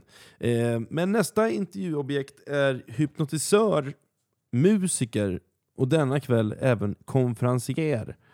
Ni vet, ni vet nog vem det är, för han är ju med i band som Jump for Joy, är han ju frontman i, och han är en riktig kötröv. Och som framgav i intervjun, även en bromskloss till att starta den här podden. Så låt mig få presentera Ulf Sandström. Ah, jag, okej. jag kommer ihåg första gången jag skulle intervjua dig, då, vart jag, då, vart jag, då hade jag precis startat den här podden. Mm. Eh, och eh, jag var ensam och helt ny. Då så fick inte en utskällning, men du tillrättavisade mig med allting jag gjorde fel. Va? Så jag la ner podden efter det, tills jag träffade Tommy. skämtar du? Nej, det är sant. På riktigt? Mm, Vad- så nu- på, på vilket sätt tillrättavisar jag dig? Du sa du sa du borde göra så här. egentligen var det snarare kritik jag fick. Och det Eh, var, inte, det var inte inspirerande feedback. Nej, det var det inte. Så jag hoppas att den här gången Men går... jag är inte en sån person. Jag brukar väldigt sällan avmotivera folk. Nej men det vet jag. Du, det... att du var kränkt? Kan man gå så långt? Ja, jag tror jag var, jag varit ängslig. Och Ja, men inte om hur- du var ängslig innan och jag var brut- brutally frank, då kan jag tänka mig att du tar det som det. Men det var absolut inte menat som det. Nej, nej men jag, det är därför jag har tagit på mig att intervjua dig en gång till, för att se om jag gör det här bättre den här det här, gången. här kan gå så bra. Jag tycker du redan har gjort det formidabelt. Jag är beredd att liksom vika mig, lägga mig och applådera. Stående ovationer. Men du, jag sätter igång. Så får vi Absolut. se vart vi landar någonstans. Mm.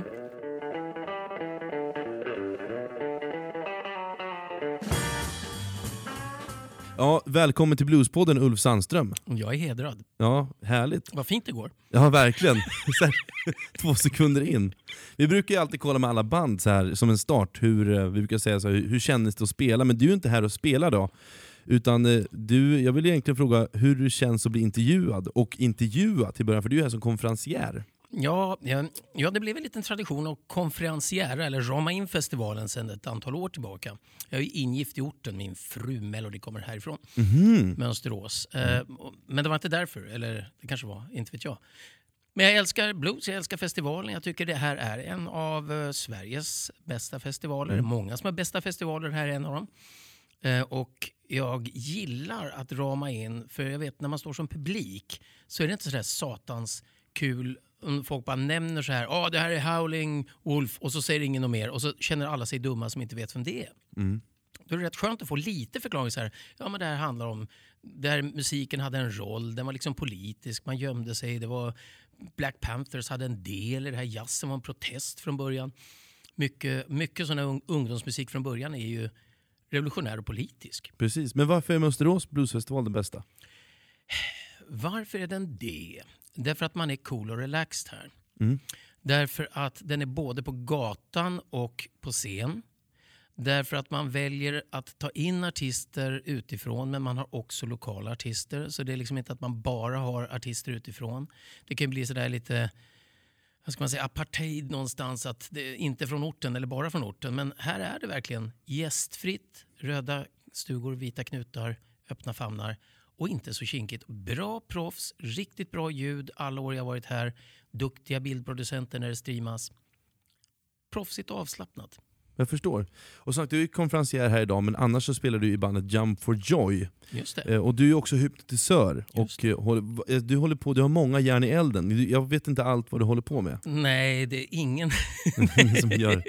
min, min- min fru brukar fråga mig ibland. Nej, jo, det, det var någon som sa till mig en gång så här. Oh, Jack of all trades and expert of none. Liksom man, man kan vara bra på mycket, man blir aldrig riktigt bra på en grej. Och då säger jag bullshit. Eh, därför att mitt, mitt motto de senaste åren då, eh, det har ju varit att proffsa till hela skiten vad man än gör. Har man inställningen att man ska göra någonting ärligt, uppriktigt, djupt och gå in i botten på det och verkligen ge allt. Då spelar det ingen roll om man bakar bullar eller spelar blues eller konferencierar eller hypnotiserar. Men jag förstår. Men i, vid nästa fråga är det inte svårt att hitta Eh, alltså, är det inte svårt att avväga vart du ska lägga prioriteringen? Om det ska vara musik, eller om det ska vara hypnotisör, eller om du ska ner till Tanzania och göra någon trauma tapping. Är det inte svårt att avväga vad det är som är viktigt? Är sätt? det inte svårt att välja gig? Nej, därför att ett gig kommer först och då tar man det. Mm. Alltså är det inte svårt att veta om jag ska spela på Åmål i år eller om jag kanske ska göra en turné med någon konstig amerikanska liksom, som kommer hit och wow, jättekul. Mm. Först gig ligger. Mm. Eh, Oavsett vad det är då? Alltså. Oavsett vad det är. Men då har jag också några andra kriterier. Jag tar bara... Men allt är ett gig. Ett gig ett gig ett gig. Så att om det är hypnos eller Tanzania eller åka ner och, och hjälpa folk på Lesbos, flyktingläget där. Det är ett gig. Mm. Och först gig sitter och så är man trogen gigget och arrangören och gör sitt bästa. Just det. Så du, du tycker inte att det är svårt att hitta en bra balansgång? Kanske en balansgång, även som familjefar, du har ju också en familj. Alltså Min- det är svårt att hitta en balansgång i, i för som du sy- mångsysslar så att säga. Det är inte svårt att hitta balansgång för att man mångsysslar men det är svårt att hitta balansgång för att man reser i det mesta man gör. Mina barn kom ju till mig vid en viss tidpunkt i deras yngre ungdom och sa pappa du får vara hemma lite mer på helgerna tycker vi. Ja, Varpå ett fadershjärta går i kras. Ja, och självklart så, så giggar man lite mindre, tar några mindre gig utomlands, väljer några gig som är närmare stan och väljer att åka hem på natten kanske så att man får den här familjetiden. Såklart. Eh, sen är det så här, när man jobbar med hypnos, jag jobbar på två sidor. Ett, en sak är terapi. Man Mm. hjälper folk som mår riktigt, riktigt dåligt och inte får någon hjälp någonstans. Jag hjälper många sådana. Mm. Men jag hjälper också folk som vill göra något spektakulärt, klättra upp på Mount Everest eller eh, ringrävar i artisteliten som plötsligt har liksom fått någon slags scenskräck för att något har hänt i livet. Eller något sånt. Så att det är både, om man nu ska kalla det för coaching och terapi, eller pepp. Mm. Motivation, är det motivationskonsult? Alltså jag, jag är så svårt att sätta etiketter. Är Jag det förstår. blues jag spelar? Ingen aning. Nej. Men okej, jag hjälper folk som antingen har tankar, känslor eller beteende som inte funkar som de vill. Mm. Eh, och då brukar jag alltid säga, min princip är det är en illusion att vi ska hitta en balans för det förutsätter att det finns en obalans. Mm. Jag har ingen obalans. Eh, En bonde säger inte så här, är det svårt att veta om du ska hjälpa kon som kalvar eller om du ska så åken eller är det dags att renovera traktorn? Och då säger bonden, det regnar, då är det kaffe. Mm. Och så skriker någon, nej, nej, nej, kossan kalvar ändå. Ja, men då blir det väl det vi gör. Mm. Och balansen är att man tar varje sak en i sänder som kommer och så gör man sitt bästa. Jag fattar, bra svar. Mm. Jättebra, spännande. Jag måste ge dig, jag var, jag, första gången jag var i kontakt med dig då var jag 17 år. Jag vet inte om jag, jag tror jag har berättat det här för dig vid något tillfälle för länge sedan. Ja. Jag var satt på Crescendo i Norrköping. Jag var, gick på Okej. kryckor då för att jag har en, på grund av min reumatiska skada. Så min mamma ville uppmuntra mig. Hon sa gå ner och kolla på bluesbandet ikväll som spelar på Crescendo. Så gick jag ner och jag var helt eh, tagen Oj, av, av din show. Du flög på bord, du rappa, du gjorde allting som jag inte gjorde då. Utom att gå med kryckor, vilket du gjorde. Ja, så precis. 1-0 där. Ja, exakt. Det är helt, helt sant. Eh, och du, du är en scenpersonlighet av rang, vilket jag inspireras av väldigt mycket. Tack. Måste jag säga. Eh, och, eh, ja, det är kanske det flippaste jag har sett eh, än idag. Det gjorde stort intryck. Eh, och jag tänkte fråga, när jag ändå sitter här och intervjuar dig, går du in i en artistpersona när du uppträder, eller är du dig själv hela tiden? Vi hade förmån, nu är det omvägssvar, så här, oj, nu, vi svarar på något annat, men det är det inte. Svaret är, vi, vi, vi kompade Frogman Henry ja, otroligt tidigt, 18-19 år. Han kom till Sverige, Stenhammar satt oss och, och kompade honom. Vi repade in hans låtar jätte, jättenoga. Vi, We know your songs Frogman, I ain't got no home. Kolla, kolla, vi kan alla ackord. Vi, vi har kollat in arret på plattan från 1900. Och han bara, all right kids, relax.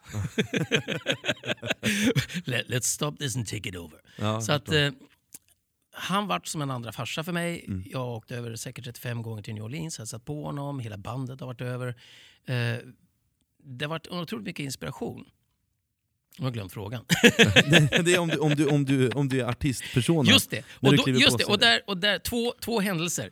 Eh, mitt närminne är teflon som Charlie Norman säger. Eh, två händelser. Det första var när vi skulle kompa honom på Vadstena slott. Mm. Bosse Stenhammar, artist, demon, promotor på den tiden. Eh, han, han säger “Fan grabbar, kör nu gärna”. Det- regnar ju Bosse. Ja men det gör ingenting, så det- publiken bryr sig inte.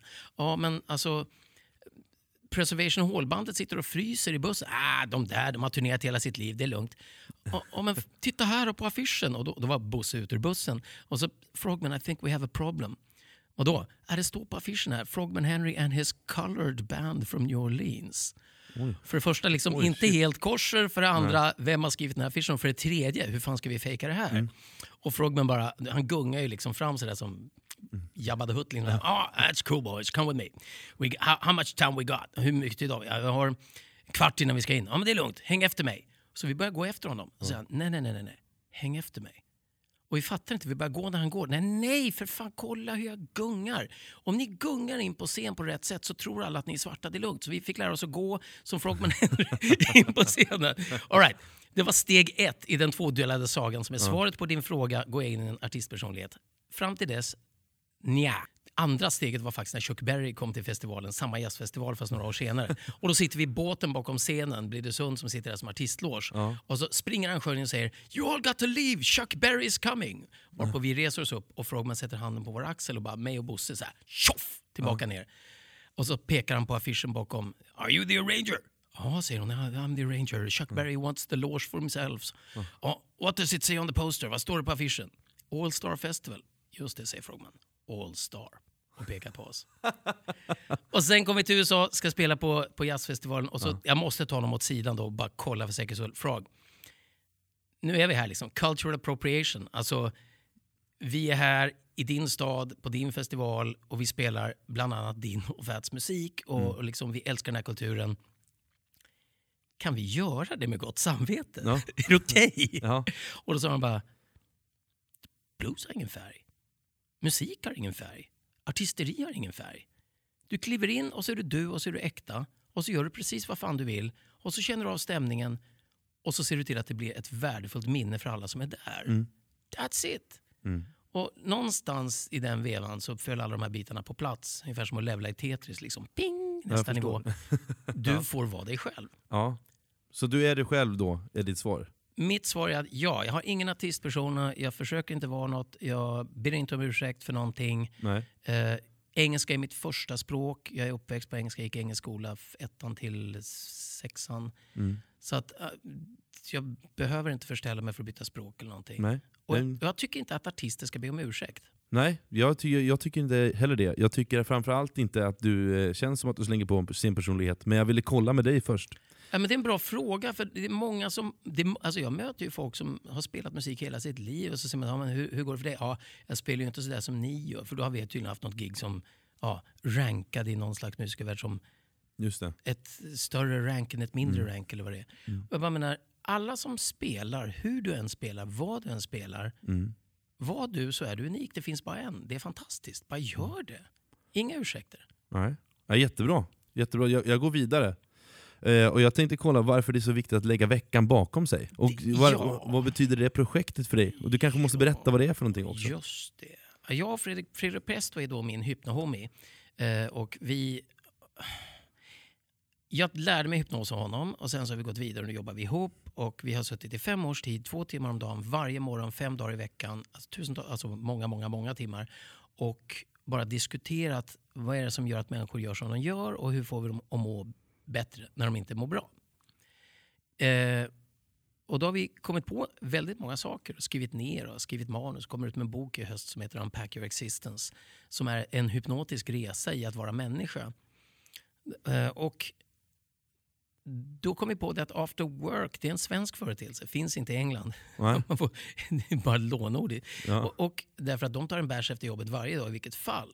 Mm. Men principen är ju cool. Och folk jobbar hela veckan, jag jobbar sju dagar i veckan. Då kan vi säga after work istället. Och då är varje dag after work. Mm. Och då tänkte vi att om vi kunde ge, ge några av de här tipsen på ett lättsamt sätt där folk kan lära sig att vara i nuet. För det är det här, åh måndag, åh måndag morgon. Eh, Istället för att tänka vilken plåga är måndag och vad tur att det är helg och nu kan vi dricka 90 lådvin eller nu kan vi slappna av i familjen eller vad man nu tänker. Att man istället tänker att man är här och nu och finns och lever livet 100%. Proffsa till hela skiten vare sig du äter chips eller står och jobbar eller är ledig. Mm. Så vad vi gör är, vi tänkte åtta minuter. Det är väl lika långt som ett eh, snittligt äktenskapligt samtycke eh, efter många år. Precis. Det är väl, det är väl faktiskt den genomsnittliga är tiden för samlag. Jag tror vi måste börja runda av Oj, snart va? shit, fan, jag har bara svarat på två frågor. Jag, Ta, ta dem fort, jag tar dem fort. ja, jag kan du- prata jättefort. En sista fråga. En sista fråga. Jag hade egentligen två frågor. Men ta dem. Ja, den, den sista frågan är om du är rädd för att uppfattas fel med att slänga veckan bakom, sen när ni sitter och pratar grillchips och hittar på låtar på piano och sådär. Jag har alltid undrat om du tänker Alltså- på det, på det sättet, om du, eller om du skiter, du skiter fullständigt i vad folk tycker. Jag tycker inte att det är ett val mellan de två. Att skita i vad folk tycker är att vara antisocial på något sätt. Eh, Det är klart att det är intressant vad folk tycker. Ja. Men att, att rätta mig efter vad folk tycker är någonting helt annat. Mm. Om du tar ett barn som kliver upp på scen och sjunger falskt Mm. och är jättenöjd med vad de gör, då kommer alla att gilla det för att de inte skäms. Mm. Håkan Hellström får kritik för hans sång, men hans energi slår de flesta i Sverige. Verkligen. Så att, vad det är att, om, om du, att skämmas för det du gör på en scen, det kan jag tycka att då, då är det bättre att du inte är på scen. Så nej, jag, ja, jag bryr mig. Nej, jag tänker inte ändra mig. Nej, bra. Och sen sista frågan, vad är ditt... Jättebra. Det var roligt, vad kul, kul. Jag har alltid varit nyfiken. Jag tycker de där är lite, lite roliga emellanåt. Allt är inte jättebra, men det mesta tycker jag är jätteroligt som ni, som ni lägger upp. Jag kollar på Det var så här fredag. Dagbert-kritik. Men eh, jag, jag, eh, jag, sista, vad är det bästa eller sämsta minne du har efter alla år? Jag menar, du har Oj, gjort oj, oj. en miljard saker, så då är det ju roligt att kolla och se om du har något bästa eller sämsta minne. Okej. Eh, det är samma sak där igen. Mm. Alltså, man väljer ju... Man har en möjlighet, det du vattnar växer. Så antingen sitter jag och funderar på alla gig som inte var kul, eller alla misstag jag gjorde, eller någon text jag glömde, eller ett arg jag missade, eller en låt som avslutades på fel sätt.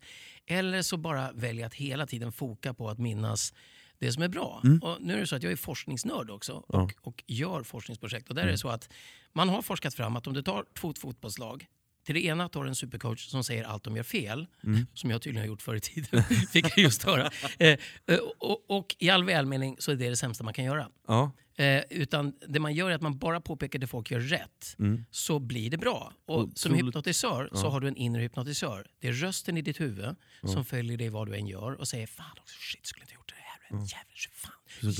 Ja, om, om den bara säger bra saker Ja. så kommer du att må bra. Om den säger bra saker som ingen håller med om så kommer du framstå som märklig. Men det är ändå roligare. Otroligt Kjell Enhager av dig att säga så. Ja, jag vet.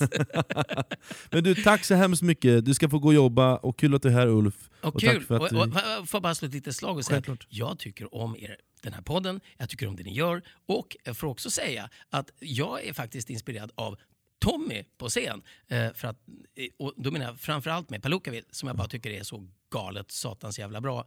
Stök och då, bök. då är vi två Ja. som tycker det. Då är vi två och några till. Ja. Du som lyssnar på podden, lyssna på dem fort.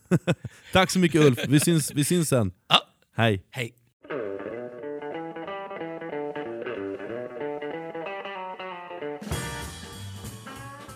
Ja, vad ska man säga Fredrik? Briljant snack, eh, oväntat beröm där på slutet. Tack Ulf. Det är en herre som har både svadan och skallen med sig. Ja. Så bra jobbat av dig där. Tack. Det känns... Eh, det var, var, var härligt med mycket san Vi har fått mycket sanningar än så länge i Mönsterås. Ja, många vågar liksom öppna upp sig jag med det. oss. Jag gillar det. Och det får vi ta som ett plus. Ja, verkligen. Det är kul att höra. Jag gillar att folk som, är- folk som är frispråkiga. Ja, men det är underbart. Och eh, vi är ungefär halvvägs igenom festivalkvällen här skulle jag säga. Och vi ska väl tillägga då att, eh, ja, som du hade med i, i intervjun, att han hade ju en scen i ett annat rum då, angränsande rum, som fungerade som en tv-studio kan man säga, eftersom hela festivalen var live-streamad. Och där han då i sin tur också intervjuade varje artist efteråt om hur det gick och så vidare för att liksom fylla ut tiden mellan banden då medan de riggade om. Eh, och så spelade han live, så han hade ju piano och grejer och så stod det förstärkare. Eh, vi blev ju också inbjudna, du och jag. Det var rätt kul. Jag, jag lyssnade på våran, våran session. Jaha. Eh, ja, när, när, vi, spelade, vi spelade ju reggae skadänga där. Ja, det gjorde vi. Jag fick en uppenbarelse att jag måste nog sätta mig och öva på lite backbeat-gitarr. Okej. Det- Ja, det var ju lite, han ville ju så gärna få med lite av det här Palookaville-grejen då. Ja. Och eh, då drog vi en, en enkel dänga i, i ett ackord. Som bara, som bara har ett ackord. Du satte inte ens det ackordet. Men eh, du spelade ju en och sjöng en låt. Just och det. sen, jag vet inte vad vi gjorde Derek mer. January ja, Derek January ja. kom upp när vi var... Ja. Var- så vi var med i en, en mellanakt. Det var trevligt. Ja. Eh, och ett roligt upplägg måste man väl säga Ja. eh, att de hade kommit på där. Bra jobbat av Ulf. Ulf är ju fantastiskt duktig på att göra sånt. Verkligen. Och nästa, nästa nästa gång eh, gäng på scenen var ju Marino Walleband, och eh, du tog ju ett snack med Marino efter hans framträdande. Yes. Ska vi lyssna? Ja, det gör vi. Det här, det här sa Ari Hautala till Ja. mig. Eh, who are you for one? I, I think I feel again you. ja, då säger jag hej och välkommen Marino. Hej och tack Tommy och Fredrik. Och, eh, du har just avslutat en eh, jättefin konsert. Jag eh, Ja. hann inte se allting på grund av mina intervju duties. Men det jag såg var eh, helt underbart. Åh, tack. Eh, hur kändes gigget här på festivalen? Det kändes bra, bortsett från några mindre m- missöden med ljudet. Men eh, ja, vi hade feeling och vi hade kul på scen och det är ju det som räknas. Ja, men det syntes, Ja. tycker jag. Yeah, Du hade Ja. dina Göteborgspolare med dig. precis. Det Man är kan väl säga att det är mest göteborgare i det här bandet? Så är det. Så det, är Visst är ju, det så? det, är, det är västkustfolk. Ja, det är det. Ja. ja. Ja. Det är därför jag inte känner igen någon. ja, det är väl det. det, är väl det. Jo, det ja, gör jag. Men du känner Matti igen. Ollikainen, Ja. eh, Bluespodden-prisvinnare, årets pianist, Ja, hade du på scenen. jajamän. Bland annat. Han har ju ganska mycket med andra projekt också. Sådär. Ja. Även Pilen, Absolut. Han är ju en stadig... eh, det är gitarrist. Ja, gitarristen. Henrik Va? Pilen Pilqvist. Hen- Henrik Ja. Pilen Pilqvist. Ja. Eh, bra, jättebra trummis, för mig okänd. Jaha. Eh, så. Jag har inte sett honom tidigare tror jag. Micke Edlund. Ja. Otroligt bra eh, Ja, trummis. otroligt. Ja, och, och kul han. att du hade blåsektion. ja, det var Marino Walleband Goes XL. Ja, Ja. okej. Eh, n- det är Ja. så här Marino, du är en Ja. van eh, Mönsterås skulle jag säga. Jo, men det är du. Ja, det nu ska du inte vara blyg. Eh, eh, alltså rent musikaliskt. Ja, ja, Minns du hur många gånger? Som jag har varit och, här? Ja, och med vilka? Ska vi ta det från början? Ja, det ska vi. Ja, om jag inte minns helt fel så eh, tror jag att vi är vid eh, alltså, år 1996 mm -hmm. med ett band som hette The J-Jivers. Yes. Sen dröjde det tror jag några år till 2001 kanske. Ja. Eh, kanske. Med bandet eh, Soulmates, Soulmates ja. hette vi då. Ja, alltså det här nu bara skjuter jag från höften här.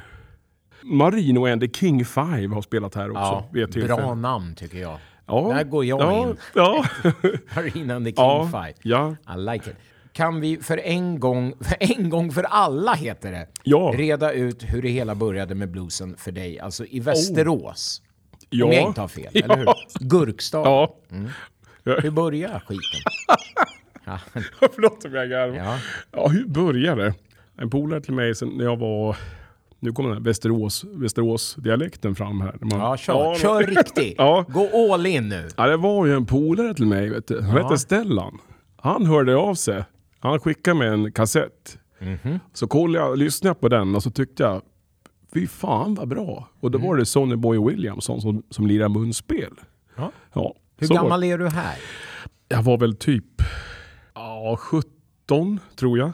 Och sen så jag började lyssna på det och blev helt hooked på liksom eh, Sonny Boy Williamson, den andra då. Mm. Alec Rice Miller. Otroligt bra var det. Jag tyckte han sjöng med munspelet och tänkte yeah. Hur jag kom in på blues? Ja, det var något gäng som, eh, som höll till på en restaurang som heter Village i Västerås. Som var en musikrestaurang. Där de hade mycket jazz och, och även en del blues. Jag var ute en kväll och så sjöng jag bara på kul så här. Liksom, som man kan göra Du ibland. hoppade upp liksom? Ja, jag hoppade upp med någon kille som stod och spelade gitarr eller någonting. Och så, och så då, då var de där och så tyckte de oh yeah, wow, den här killen ska vi ha med i bandet. Och där började det liksom. Och då sa de, ja vad kör ni för bag liksom? Ja, vi spelar lite blues och lite rock och lite... Och ja, så tänkte jag att det vill jag gärna göra. Så, så blev jag med i det bandet. Och då var, det, då var det ju faktiskt så här att jag eh, på någon konsert så kom ju Ari Hautala fram till mig efter något gig vi hade. Ja, då kom han fram och så sa han Ja, det låter bra det där, sa han. Nu, fan, det vore kul om du ville lira med och vara med och sjunga i mitt band. Jag har ett band. Och sen var det, så blev det så att vi hade ett band som hette Troubleshooters på den tiden. Och så du sjöng och jag- spelade munspel redan Jag sjöng och spelade munspel. Ja, och försökte liksom lära mig det här allt med tonarter och allt vad Ja, det heter. det. Ja, Och lyssnade, det jag är ute och far lite grann efter Ja. här, det är ju att det, eh, sen blev det ju något slags band i Västerås som hette The Mavericks. Va? ja, ja. Ja, och då tänker jag Ja. eh, fortfarande Ari Hautala Ja, och jag tänker Anders Ja. Levén på en andra gitarr. Tänker jag fel då? Ja, det var ju så här att vi, eh, vi hade väl en, en önskan om att spela mycket soul, eh, uptempo, rhythm and blues Ja, och lite eh, åt T-Bone Walker-hållet och sådär. Ja, och, ja, och då blev det lite West Coast-baggen liksom. Ja. Eh, vi började spela med Anders och så, och så rullade det på med det liksom. Så var det. Ja. Då, Så Anders var med där? Anders var med då Ja, just det. 94 och, och sen så kom det ju ett hippt band från Gnesta. jag Ja. vet, jag vet, jag vet. You know the story. I know the story. Men Ja. jag är mer intresserad av er Ja. Mm. story. För att jag tänker, var även Pugh Rogefeldts eh, kära son Nej. Kim Rogefeldt Nej, nej. med någonstans? Nej. Var han inte med någonstans? Eh, jo, han var med. Han var med, men han var inte med i det gänget. Men han var med. men var han- med. han har spelat ja, med dig? För an, ja, I eller, det ja, inte, Nej. inte så. Nej, Däremot okej. var han med, han spelade ju, ja, jag hoppas jag säger rätt här nu, han spelade trummor då på den tiden. Oj. Ja, Då, för nu är han ju munspelare, Ja, vi precis. Han var ju trummis Ja. och lirade ju med bandet Mr Big Nose and his Blues Kings. Ja, och Big Nose måste ju vara Anders Levén. Den stora näsan. Ja, så var det. Ja, Okej, var ja, men det var i alla Det fall, var- det vi var kan väl länge säga sedan. så här att ni var, ni var ett gäng där Ja, i ja. Västerås. Det var ett, ett gäng som lirade blues. Ja. Ja, så var det. Och liksom, eh, nu tänker jag i Mm. efterhand så är ju inte det här ett, det är ju inget gäng man bara liksom så här ah, passerar, utan det här är ett gäng som är, har gjort Ja. saker efteråt. Nu blir det ryggdunk tror jag. Ja, Får okej. du svälja. Okej. En av Sveriges absolut bästa, största röster, enligt min mening. Ja. Och, eh, Oh, tack. ja, ja, ja, ja, det är ingenting att prata om, det är rena fakta. Eh, berätta för en beundrare då som jag, eh, Mm. om det är något som du bara upptäckte att du hade. Liksom, så här, att du bara, ja, jag, jag gnolar med här Ja. och så ser vi vad som händer. Eller liksom, är du självglad? Har du tagit eh, lektioner? Bla, bla, bla. Ja, jag, jag, jag skulle nog säga att jag, jag är till stor, till stor del självlärd faktiskt. Så jag, jag sjöng mycket hemma när jag, var, när jag var yngre. Och ibland gick man loss och tog i ordentligt. Och då, då hände det att hon som granntjejen som bodde, vi hade några som bodde under oss. Och hon kom fram vid ett till- tillfälle och sa Marino, det låter bra det där. och jag blev så här, jaha, tycker du det? Tack. Ja, Då hade inte jag funderat så mycket över att liksom... Men du stod och sjöng Nej, men jag tyckte inte att jag hade någon speciell röst på det sättet. Ja, eh, men Ja. när vi håller på med rösten Ja. då, eh, har du några tips för oss eh, eh, nybörjare? Ja. Nybörjare? Eh, Ja, hur men- man tar hand om den. Jag menar, Ja. jag är ju en av de här som efter kanske tre, kanske fyra, får jag fem gig i rad, då, kommer jag, då börjar jag få problem. Mm. Ja. Har du några tips och hur klarar du dig? Och, Viktigt, jävligt viktigt är, nu kom det igen, mycket viktigt är att man har en bra medhörning, tycker jag, när man är ute på gig. Liksom. Så man inte liksom, jag menar, hör man inte sig själv bra, då överkompenserar man ju genom att ta i starkare. Det är ganska Absolut, naturligt. Då ska man ju, absolut. fan det låter, man hörs ingenting. Hör dem tar man i tills man, man i. hörs. Man, precis, man tar i och har inte riktigt kontroll över vilken styrka man, man lägger ner. Och eh, det där har man gjort några gånger. Ibland misstaget att ta i skitstarkt och sen låter man inget kul efter gigget. det här är en högst personlig fråga, men Ja. vilka är dina förebilder då rent, eh, rent Oh. sångmässigt inom Oh. soulen? Ja, det finns ju hur många som helst. Jag vet inte var jag ska börja. Men ge mig tre. Men, ge mig men- dina top three. Ja, men jag Soul tycker ju eh, de absolut topp eh, i topp. Jag skulle nog säga att eh, James Carr kommer nog där någonstans också. Mm. Där, ja, eh, han är ju en favorit alltså. Sen har vi ju Solomon Burke. Diggar jag ju stenhårt. Wow. Yeah. Ja, Howard Tate tycker jag är en... Eh, Fan vad kul att du nämner honom. Ja. det, är, ju- det är ju min eh, man- svetslåg eh, ja, favorit. det är ju, alltså de tre är ju liksom... Eh, ja, det är sådana riktiga... Ja. Eh, Då frågar jag Marino Ja. Walle, vad har du på gång härnäst nu mitt i corona? Ja, trots denna pandemi som pågår här i världen så har vi faktiskt lyckats här med att snart göra färdigt vårt debutalbum. Och det är ju otroligt kul. Fan vad kul. Ja, så det är ju det är stort för mig. Det, det ligger mig nära om, verkligen nära om hjärtat. Och det, det har varit ett långt projekt som har tyvärr fått Ja, det har legat lite på is om man säger det. mm, Med tanke på vad som har hänt liksom i in this crazy world. Mhm, Men det, det är på gång. Men Ja. eh, ni, kommer, Ja. ni lyssnare kommer bli varse Ja, via våra Ja. och era kanaler. jajamän. Var hittar man eran musik och dig? Ja, jag har ju en Facebook-sida egentligen som är det är där vi har lagt upp där vi lägger upp när vi har spelningar och, och så. Och sen har vi ju lite clips där och lite allt möjligt smått och gott. Ja, sen har vi ju en, en hemsida på gång också som kommer i samband med släppet här. Men det, ja, Ja, ja. så det, ja, Jag säger så här, bra surr Marino. yeah man. Som vi säger Ja. i Stockholm. Tack för att du tog Ja. dig tid. Ja men tack för att jag fick komma hit. Ja. Ja. Ha det så Ja. bra nu och vi önskar dig all lycka till. Tack och grattis säger jag till er. Mönsterås Blues-stipendium. Ja. Ja. kul. Vi ska, ja. vi ska eh, gå ner till baren nu och göra av med alla pengar. Nej, det ska vi inte. Tack så mycket Marino. Tack. Sometimes we win, baby.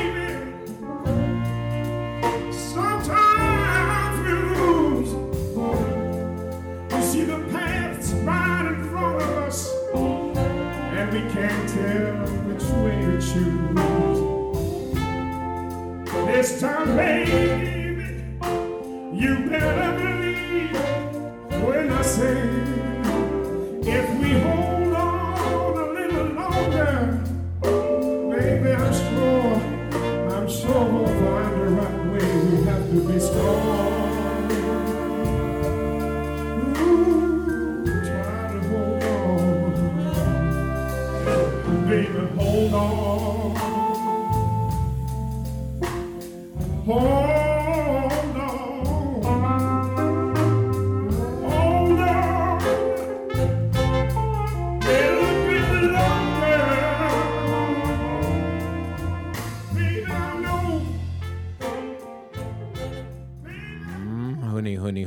Där fick ni lite Deep Soul av Marino Valle på sång.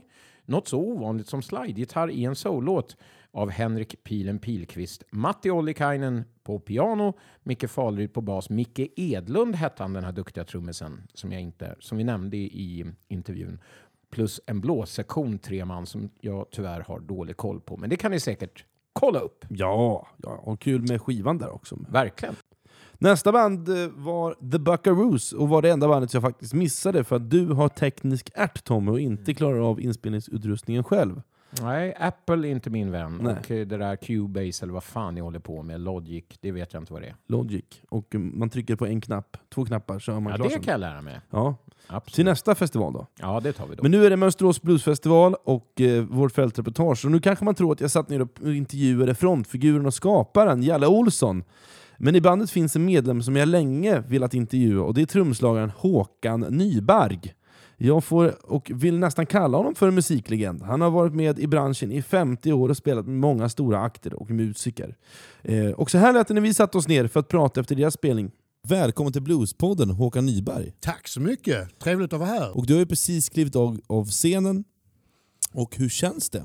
Det känns alldeles utmärkt. Och, Det var ett jävla kul gig. Men det var en svår och tungspelad lokal. Ja. Ljud, ljudet bumlade omkring så man fick ingen sådär riktig närhetskänsla på det som hände på scenen. Nej. Men med tanke på att vi har haft detta bandet igång i 37 år så man kan varandra, man kan låtarna. Ja, Så det är ingen panik. nej, det är sant. vi, vi, vet ungefär vad vi gör. Ja, precis. Och du är trumslagare i det bandet. Ja, precis. är ju du. Mm. Och eh, jag går rakt in just, just på dina 37 år som du pratar om här. Hur, din karriär har minst sagt varit lång. Du har ju spelat eller spelar med Nationalteatern, Björn Afzelius, Mikael Wiehe, Wreck of Blues och ikväll spelar du med The Buckaroos. Och vad är The Buckaroos för någonting? Det är ett band som sprang ur Wilmer X 1984. Jalle Olsson, kapellmästare, spelade trummor i Wilmer X mellan 79 och 81 Och sånt. Och när han hoppade av det så ville han fortsätta med musik och startade då Buckaroos. Mm. Och tog då in Sticky Bomb på trummor. Men då när vi kom- kom fram mot eh, 89 så började det gå väl, väldigt bra för Wilmer X. Och då hade inte Sticky tid att vara med i Buckaroos. Så då l- lämnade han över trumpinnarna till mig. Ja, jag förstår. Så, jag så förstår. jag har varit med sedan 89 i bandet. Just det, men han hoppade av Wilmer X själv då? Alltså Jalle Olsson hoppade av 81. Ja, Han, han eh, ville satsa på en civil karriär Ja. och inte vara proffsmusiker. Kan, kan du säga på rak arm hur länge du har varit eh, professionell yrkesmusiker? Ja, jag kan inte säga eh, året. Jag kan säga året 1971. 71, och så min huvudräkning är inte riktigt med nu. Men eh, det är, Ja, det är ju för 40 år. fan- 50 år. Ja, det, är, är det 50? Eller Det är 50 år i år! Eller är det, Ja, det, eller är det vad fasen? ja, det är 50 år i år! Ja, men det är helt otroligt. Ja, verkligen. Hur, hur känns det? Och bara nu när vi Ja, det- spontant räknar ja, ut det. det. Ja, det är ju eh, mindblowing Ja. kan man väl säga. Det har Verkligen. gått väldigt fort. Ja, hur, hur startade det? Hela karriären? Det startade med en gammal skolkompis till mig som heter Bo Anders Holm. Han hade ett eh, pro, alltså engelsk proggband i Malmö Ja. som eh, hette White. Och vi fick en Sverige-turné. Jag var inte med i bandet då men eh, jag, blev inhy- inhyrd i bandet så att säga för denna turné. Mm. Och den eh, gick från Kiruna till Malmö. Så det var min första turné. Okej. Och I- du, och det var på vintern i januari. Så det var, och bussen gick givetvis sönder halvvägs. Generatorn pajade och vi fick knuffa igång den och ingen värme och, och så vidare. Och så vidare. ja, precis. Så det var en fantastiskt härlig start. Hur då var du, du är 69 år, så du var 19 då? Var det, var. Mm, det kanske det blir ja. Ja. Jag, jag gick ut eh, nian med tvåa i allmän matte. Så jag, kan bara, jag kan bara räkna till fyra och sen börjar låten. Men du, ett av de sista näm- nämnda banden, eller var du klar? Finns det något mer som du vill tillägga i hur det startade? För jag tänker, du har ju som sagt spelat med både Björn Afzelius, Mikael Wiehe, stora skånska profiler. Ja, och det, det började faktiskt eh, efter den här turnén med White, så jag var med ett tag till. Då var det lite smått och gott som hände i Malmö. Men det stora som jag tycker som hände det var att Mikaels bror Thomas Wiehe ringde. Ja.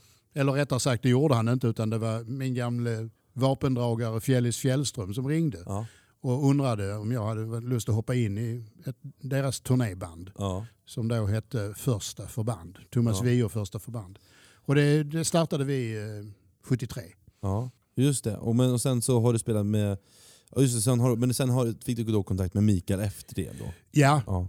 han var ju med när, när, vi, när vi hade gjort den enda plattan vi gjorde med Thomas Wiehe under det namnet. Han har gjort många andra plattor. Så hade vi en uppspelning hemma i Thomas Wiehes lägenhet och Mikael var där. Mm. Och det första han säger när han ska lyssna på det är ah, bara så ni vet, det, jag gillar ju inte trummor. Nej. Eh, men ett av de sista banden jag nämnde är alltså Wreck of Blues. Eh, Ja. Och det är ett bluesband då såklart. Har ju du tillsammans, som du nämnde förut, din son Pontus Nibb. Och man får väl ändå säga att eh, ni blir hyllade vart ni än kommer. Mm. Eller hur? Ja, det, så är det Ja. faktiskt. och, och eh, ni har ju precis släppt en ny skiva. Ja. Som också har blivit hyllad, vart, vilken Mm. hand den än hamnar i verkar Ja, som. ja. Eh, och hur går dina tankar kring att spela med sin son? Finns det fördelar och nackdelar? Det finns inga nackdelar. Nej. Bara fördelar. Eh, för att han nu är min son så har vi någon... Han har varit med mig så mycket när han var liten. Alltså vi har en liknande timing Mm. I sättet att framföra musik. Ja. Vilket gör att det blir så självklart Ja. när vi spelar ihop. Mm. Det är, det är ju värre för tredje personen, Kalle Johansson, när han kom in i bilden och Pontus och jag är ju så vana vid varandra så det är bara en nickning eller en blinkning så vet man vad som händer i låten och så. Det tog ju lite gig innan Kalle kunde hoppa in i det Ja, det tåget också. Jag. Stackars Kaj som är så snäll.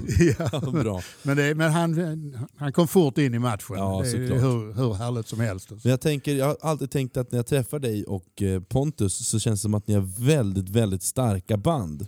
Ja, Att det känns som att ni har otroligt starka band som bara familj, som familj kan ha. mm. Men på vissa familjer, jag vet för jag själv har en väldigt tajt relation till min familj. Eh, men det, det, det känns som att det är ni två, ni håller ihop som ler och långhalm ja. På ett sätt. Och det måste vara jättefint då för att kunna dela den här typ och att du har fått in honom på musiken. Sen har ju han en helt annan karriär Ja, som i, i, mm. som i rockbranschen. Mm. Ja, verkligen. Sådär. Men det måste vara jättefint att få spela. Ja, det är så underbart. Och det är, det är ju kul. Vi har gjort detta sen, jag tror vi startade, eller Pontus startade The Mescaleros, som Ja. vi kallade oss, 99. Oj. Tror jag. Så vi har, vi har ju faktiskt spelat ihop sen dess. Ja, för det jag tänkte på om det här var första gången eller om det var... Eller har det liksom blivit... Eh, men ni har spelat ihop tidigare då? Ja, oh ja. Ja. Mescaleros gjorde två plattor tror jag, om jag inte minns fel. Och sen så gick detta rakt över i ett band som vi kallade Snibb. ja. För att det, Mescaleros skulle spela i Göteborg. Då blev stället nerringt och folk trodde att det var Joe Strummer and the Mescaleros som skulle spela i Göteborg. och, och då tänkte vi bara, alltså, det går ju inte att ha samma namn som Joe Strummers band. Nej, visst. Så vi bytte namn snabbt. Ja.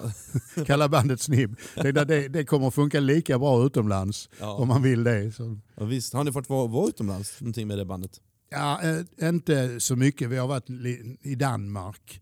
Men eh, en sak som vi har gjort och som eh, vi har, både Pontus, jag och bandet har mycket att tacka Nicke Ström för, vår gamla basist i bandet. Han, eh, vi åkte i januari när det var som kallast i Sverige så åkte vi till Key West och spelade. Mhm. Och det gjorde vi, jag kan inte komma ihåg, två, tre eller fyra gånger.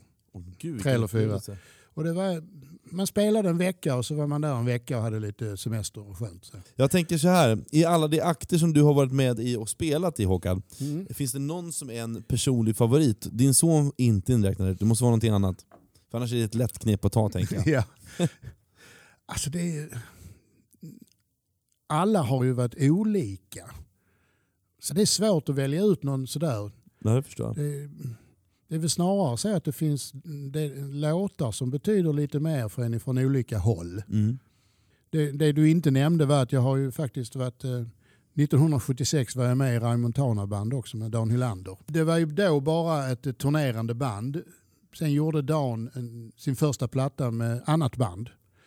Men när han skulle göra platta nummer två så samlade han delar av det 1976-bandet. Okej. Och så gjorde vi den plattan som heter Döende oskuld. Och där är ju ett par pärlor på den tycker jag som är fantastiska låtar. Vi gjorde en platta med Björn Afzelius som heter Johnny Boy. Den är grym, hela plattan. Fantastisk platta. Det måste jag kolla in, tack för tipset. Men jag tänker som sista fråga, Mm. så skulle jag vilja fråga hur du tycker musikbranschen har ändrats under de åren som du har varit aktiv, alltså nu i 50 år. Gratulerar. Ja, det är ju... Oj. Alltså, när vi började så var man ju... Vi skulle ju äga allting vi höll på med. Ja. Det var ju det som var tanken på 70-talet. Våra produktionsmedel som det hette. Man skulle äga allting. PA, buss, helst eget skivbolag. Jag var med och startade skivbolaget Amalthea i Malmö till exempel.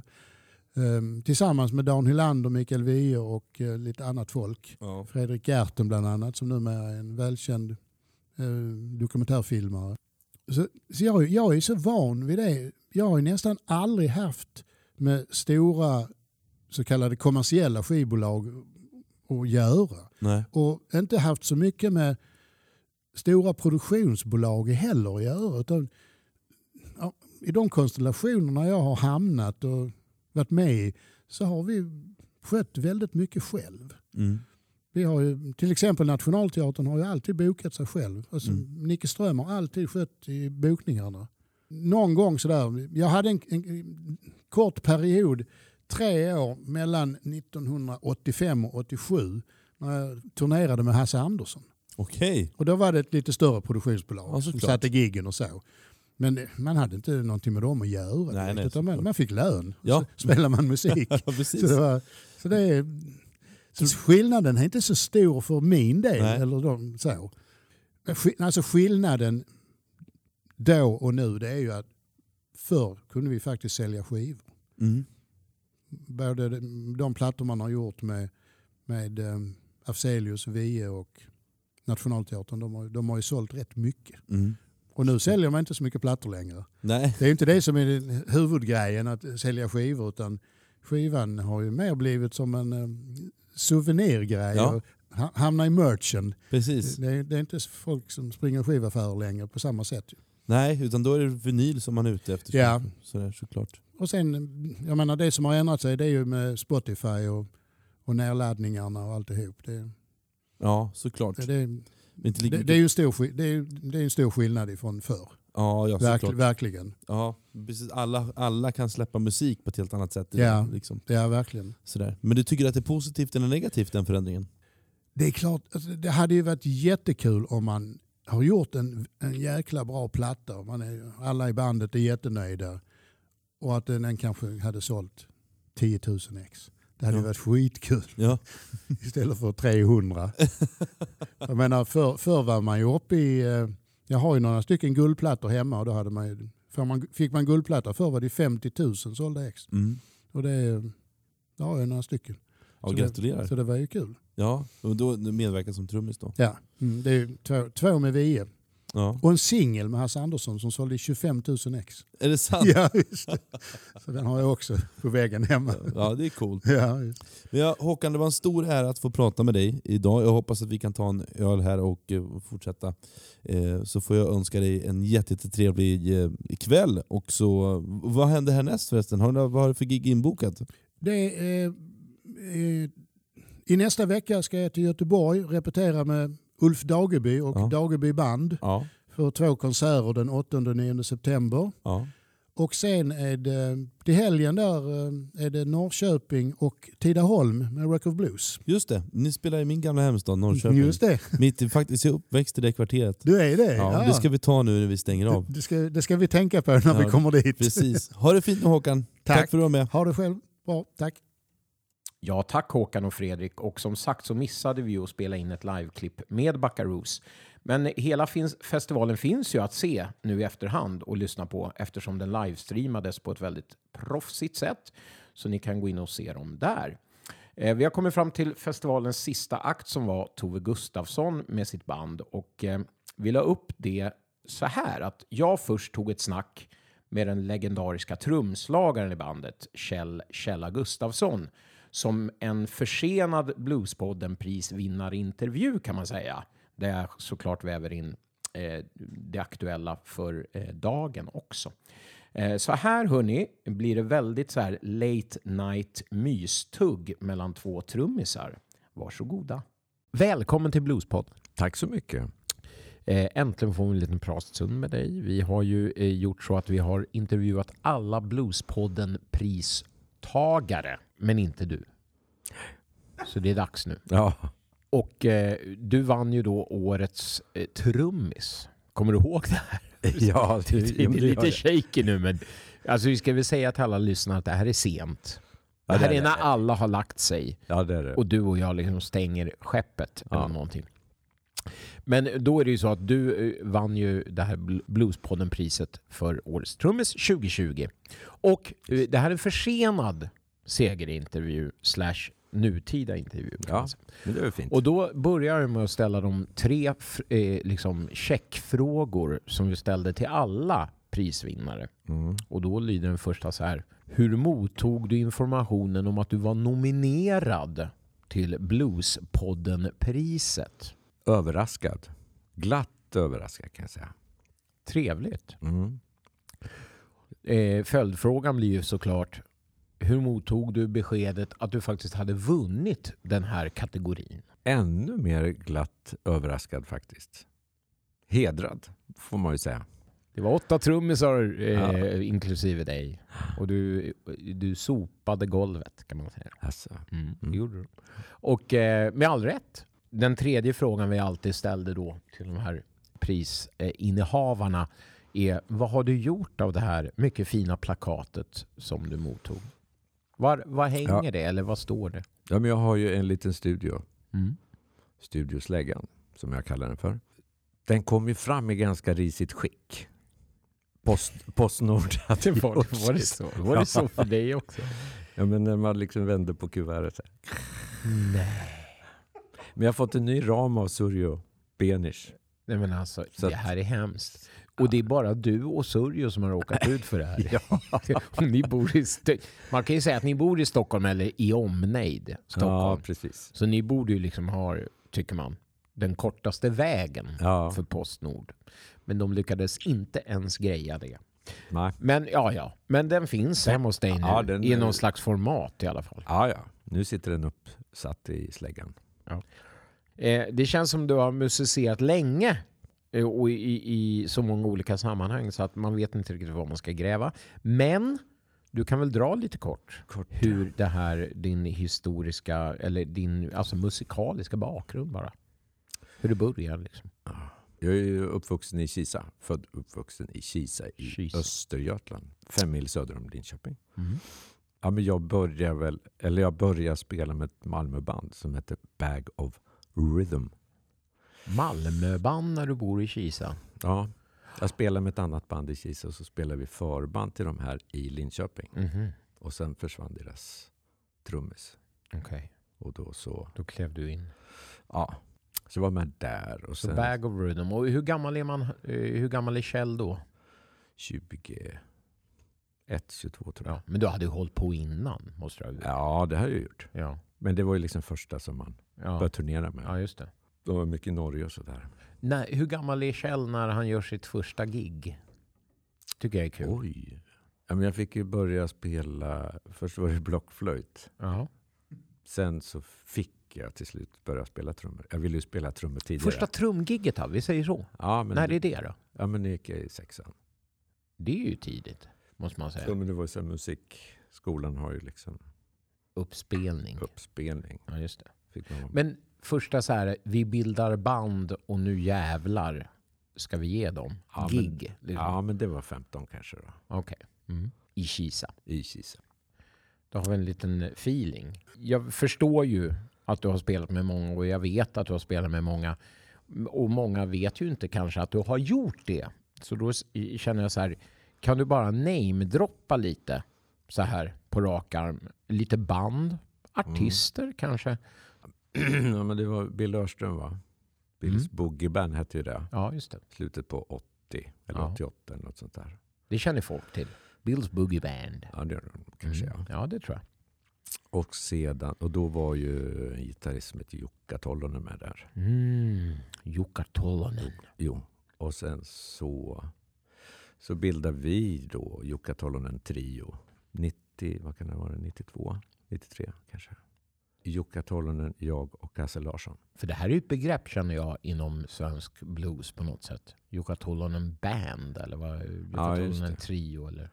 Ja, det började som Jukka Tollonen Band. Mm. Mm. Och då var det liksom fem stycken medlemmar. Ja. Och sen blev det strippat till tre. Trio. Och då kör ni turnerar? Turnera. Och så höll vi på med det här till eh, 98 kanske. Något sånt där. 98, 99. Så det här är din liksom skolning kan man säga? Ja, turnéskolning. Jo. Den- Och, och musikaliskt talar vi bluesrock? Ja, lite så ja. Lite fusionack? Nej. Nej, liksom, det var det ju inte. Det var ju, Som boogie? det var ju blues och rock. Liksom. Det var ganska blandat på något sätt. Sådär. Men det var inte renodlad liksom, blues Nej, nej. på det sättet. En liten passus här. Eh, Jukka Tollonen, vet man vad han gör idag? Vet du det? Ja, faktiskt fick en hälsning häromdagen. Oj. Ja. Mm. Och det var länge sedan. Finns han här i Sverige eller är han i... I Helsingfors. Okej. Jag går vidare, eh, även om du säger kan namedroppa många fler och kanske gör det under intervjun så känner jag att man måste ju tänka att KGRBO, Mm. den förkortningen säger ju dig någonting kan jag tänka mig. Mm. Och för er som eh, det inte säger någonting så är det Kjell Gustafsson Rhythm and Blues Orchestra. Just. Eh, som jag kan tänka mig är ditt hjärteprojekt. Ja. Och eh, bara för att blanda in mig själv, för att jag, jag måste få läckra mig i podden, så har jag ju fått vara med lite grann Mm, på den första, första plattan där. Och även lite live. Och min re- reflektion är väl att det är liksom galet talangfulla musiker i det här bandet. Mm. Och att som frontman så upplever man att man får liksom en, en spark i ryggen liksom, när man Mm. står där. Mm. Och det, Mm. det är liksom, tycker jag är ett tecken på ett bra band. Ja.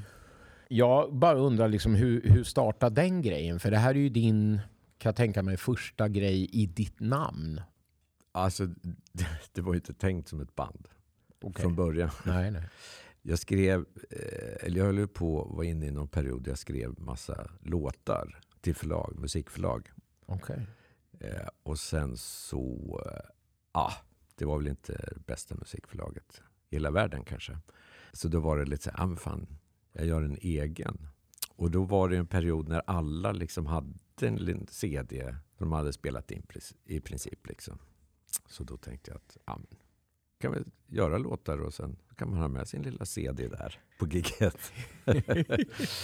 så det var så. Och sen så var det liksom, och sen var det skivan. Och då var, just det, det var ju liksom, eh, jag tror det är 24 musiker som är med. Så det var lite och, och På, den, på liksom, den här första plattan? Ja, just det. Ja. Och liksom samla ihop massa människor som man har spelat med. Ja, ja. Sådär, och inte spelat med. Nej. För det, Du, för, nej, dig- vi, hade, vi hade ju inte gjort det. Nej, det ni var hade kul. sett dig på Stampen med... Ja, just det. The Beat from Paluca. Just det. Mm.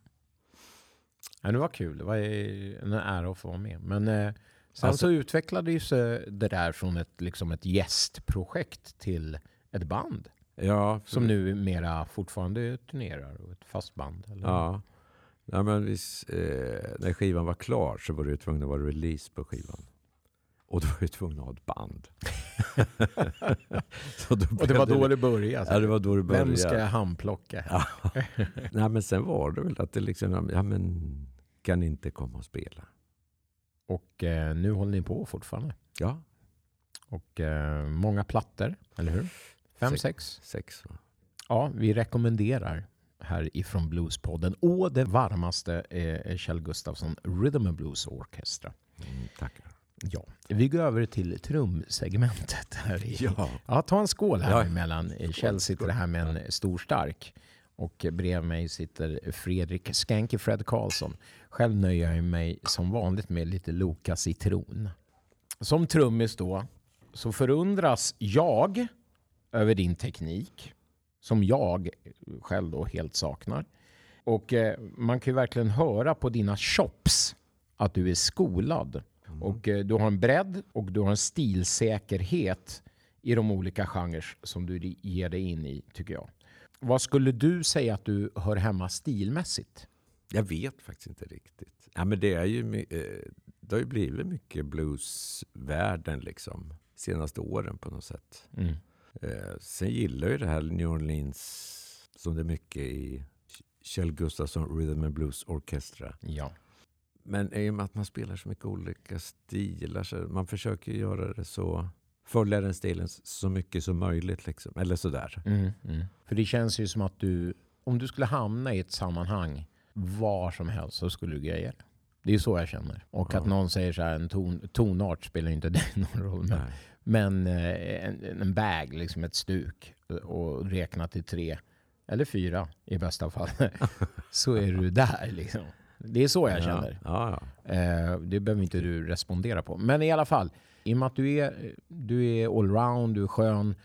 Om du bara fick spela ett groove Mm. for the rest of your life, vilket skulle det vara? Ja, men det skulle vara alltså lite meters beat. Okej.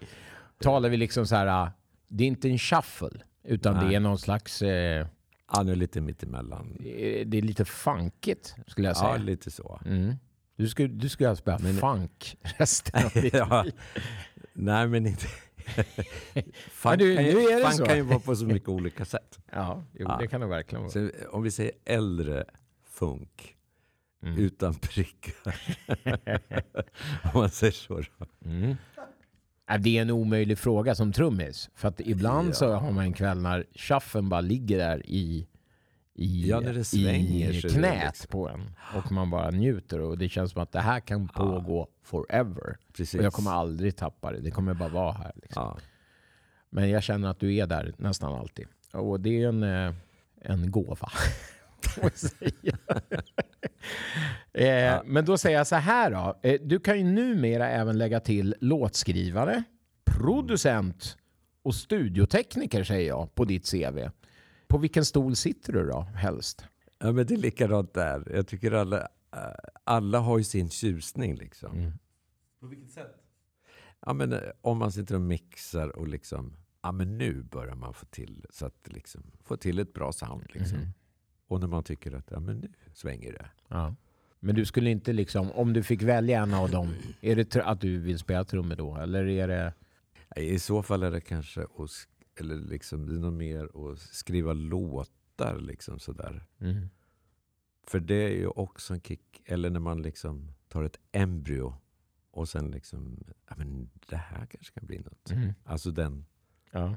Men eh, om vi säger så här då, ännu omöjligare fråga kanske, men drömartist som du skulle vilja backa upp eller producera?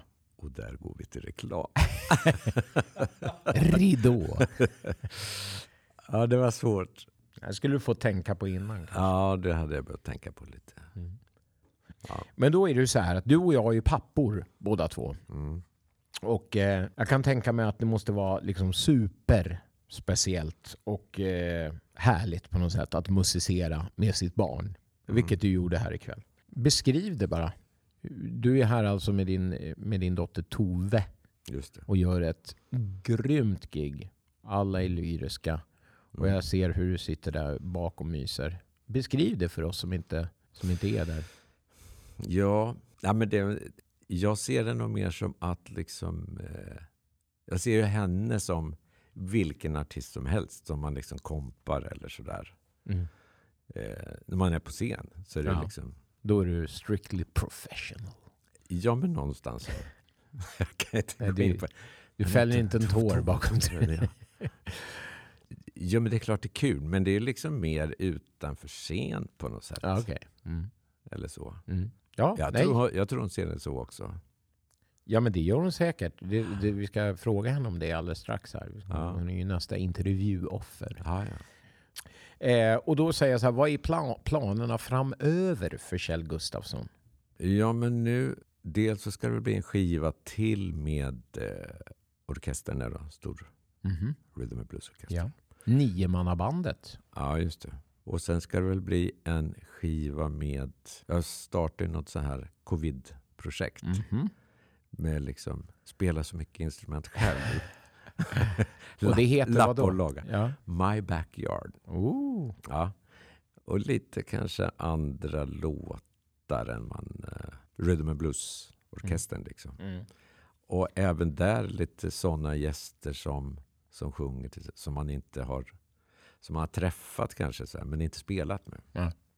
Så det ska väl. Och sen håller vi på med, eh, spelar ju med Peter Karlsson och, Mm. och Rhythm and Blues Orchestra. Ja, just det. Och Peter Karlsson, för de som inte greppar det direkt. Peter Karlsson och de blå grodorna, Ja, just det. som det hette back in the day. Ja, just det. Otrolig storyteller och eh, ja fantastiskt. ja, otrolig frontman faktiskt. Ja. En av de bästa intervjuerna vi har haft i vår podd var ju Ja. mellan Fredrik här och, och honom. Just det. Nej, det, var, det var galet bra. Kul att ha dig här Kjell! Ja, Va? kul att vara här. Ja, äntligen fick vi till det och eh, det är ju late night. Ja, Vi bjuder på det här. Ja. Ja det gör vi. Tack så mycket för att du ville vara med i Ja. Bluespodden. Tack för att jag fick.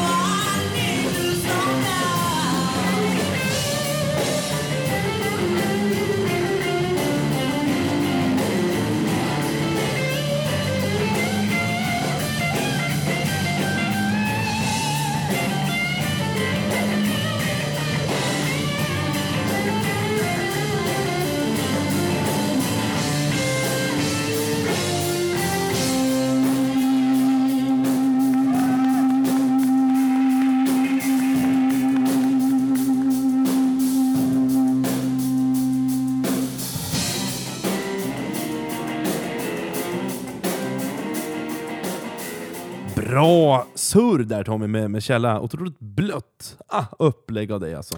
Ja, som jag sa i intervjun så stängde vi ju skeppet Mm. tydligen. Och du, han sopade också golvet. Ja, det var mycket han gjorde Ja. enligt mig. Eh, och det bjuder jag på. Ja. Och framförallt Kjell var eh, generös och bjöd på allt. Ja. Jättebra. Och Kjell var otroligt... eh, Han är så lugn. Det är skönt att lyssna på Ja, honom. han, man blir harmonisk. Till och med du hans- blir lugn. Ja, jag blev väldigt så här, mm.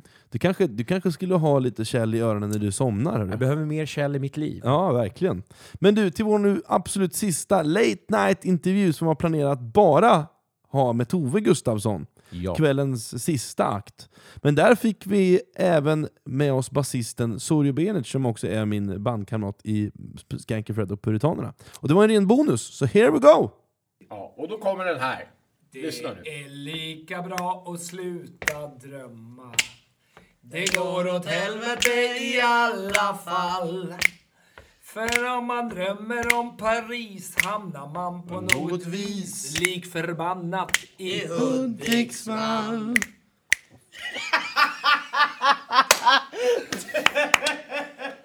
Ja, många stämmor har du lagt Fredrik. Det här kan vara den sämsta i, i hela ditt liv. Men eh, Surjo ska ha en eloge i alla fall för den här sånginsatsen. Och det här är då efterhänget med Bluespodden. Ja, det är det. Välkomna till efterhänget. Och är det så att det här kan vara första gången som du har sjungit i radio överhuvudtaget, Surjo?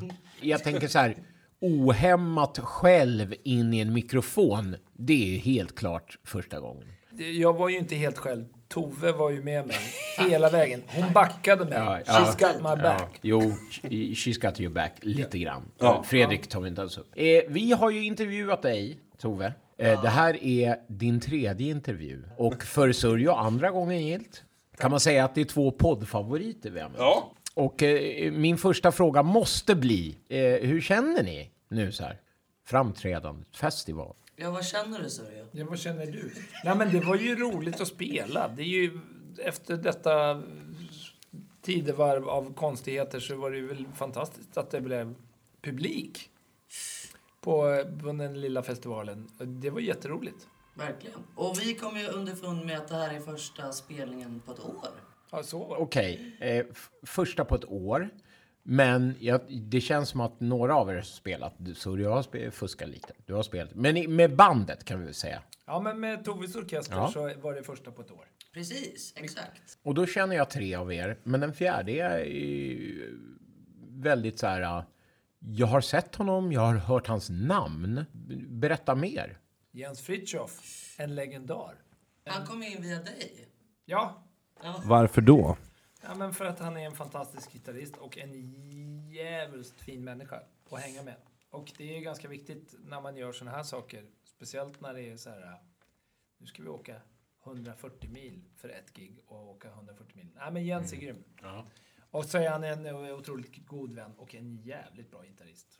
Okej, men ja, för mig ny bekantskap, vilket verkar sjukt. Men eh, Fritiof, jag känner ju igen namnet och jag är stoked för att den här killen har ju spelat med en del leg legendarer. Precis som du Sörjo, Är det typ Ulf Lundell vi pratar om? Eller? Ja, men Jens har spelat med Ulf Lundell och han har spelat med allt möjligt. Han har gjort jättemycket. Han har spelat med Melissa Horn och eh, Carolina af Ugglas.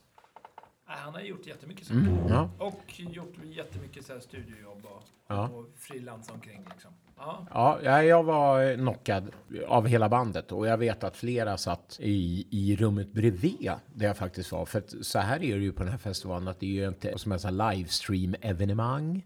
Och då fanns det en eh, sidoscen eh, bredvid ute i restaurangen där man fick hela ljudet ut i PA't. Jättefint ljud. Stor och då måste jag säga att det var fan så bättre ljud där ute än i själva live-rummet.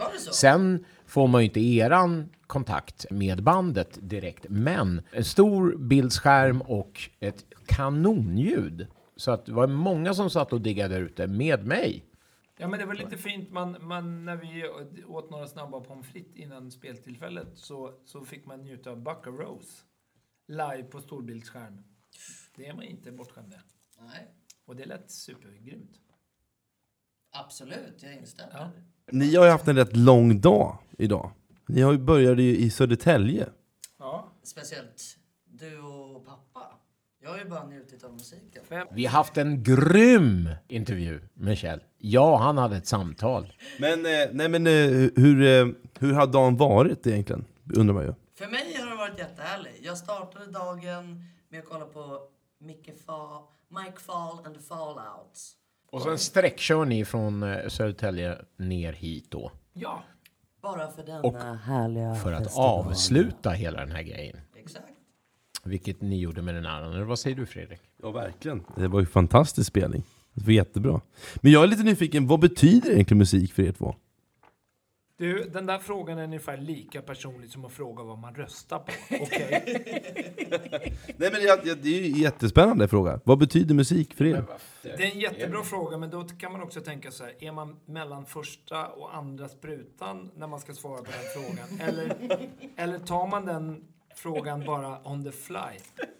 Nej men man behöver inte svara, det kan, ju- det kan ju betyda allt eller mittemellan eller bara allmänt, en allmän fråga bara. Jag lyssnar på. Precis, det var lite det jag tänkte på. Du, du, du är en av få människor som jag känner som har musik på 24-7 i, i lurar. Absolut. Nej men humörsgrej också. Vill jag bli på bra humör, då lyssnar jag på en viss slags musik. Vill jag tagga till? Ja. Nej, men det, är, alltså, det är mycket känsligt tycker jag. För att, eller så här, musik är ju väldigt känsligt. Så att jag lyssnar ju aldrig på deppig musik. För då sitter jag och gråter. Om man slänger t- till vänster då, till Surjo, vad lyssnar du på när du inte... Jag lyssnade på någonting som inte är som du jobbar med. Men det gör du såklart. Men jag tänker, vad lyssnar du på då? Jag lyssnar ju på väldigt mycket olika saker. Och så kanske man läser om någonting eller får en tips från någon som bara skickar Har du hört det här? Liksom. Så att jag, jag lyssnar på allt möjligt. Får jag, sen får jag inte kickar av allting. Men, men, eh, men jag försöker lyssna på så mycket. Jag tycker det är ganska viktigt att man liksom lyssnar på mer mm, och olika genrer än vad man Absolut. håller på med. Liksom. Bara för det liksom bidrar ju till att man håller på med det man gör. Eller att man vidgar det man gör på något sätt.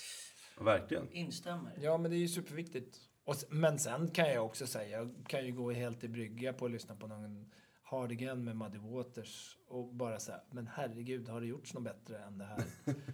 för att sen lyssna på Led Zeppelins 2 och bara, men har det gjorts något bättre än det här? Eller lyssna på Mothers Finest live. Eller lyssna på Tove Gustafsson. Tove Gustafsson när hon skriker om att det är fel tonart. Och att Fredrik har skrivit äh, låten. Ja, precis. Ja, det är in det också. Nej, men det är ju superviktigt med, för mig är det ju superviktigt med musik. Jag tycker att det är liksom, det har ju såklart att göra också med att man håller på med det. Men, men för mig är det ju otroligt viktigt med musik och all sorts musik. Verkligen. Får inte utesluta något helt enkelt. Nej, men är lite så är det. Eller jag känner lite så. Man, man kan inte utesluta saker. Man måste ge allting en chans. Sen gillar man ju inte allting. Men det är också så, det, det är en väldigt bra fråga. För att det är verkligen så att, jag menar... och Så hade vad man- betyder det egentligen? Ja. Ja, Jo, är ja det. men det är ju det liksom. Är. Tack för frågan Fredrik. Eh, Varsågod. ja, jag, jag, jag, Vad jag- gör vi nu då, Eh, Fredrik? Jag, nu, jag har inga frågor. Ska vi stänga det här efterhänget? Vi kan avsluta med en sång. Ja, gör det snälla. Tack. ja. Kan vi få Hudiksvall? vi ta? Eller vad- har ni något annat på gång? Det är lika bra att sluta drömma. Det går åt helvete i alla fall. För om man drömmer om Paris hamnar man på något vis Ligg förbannat i Hudiksvall.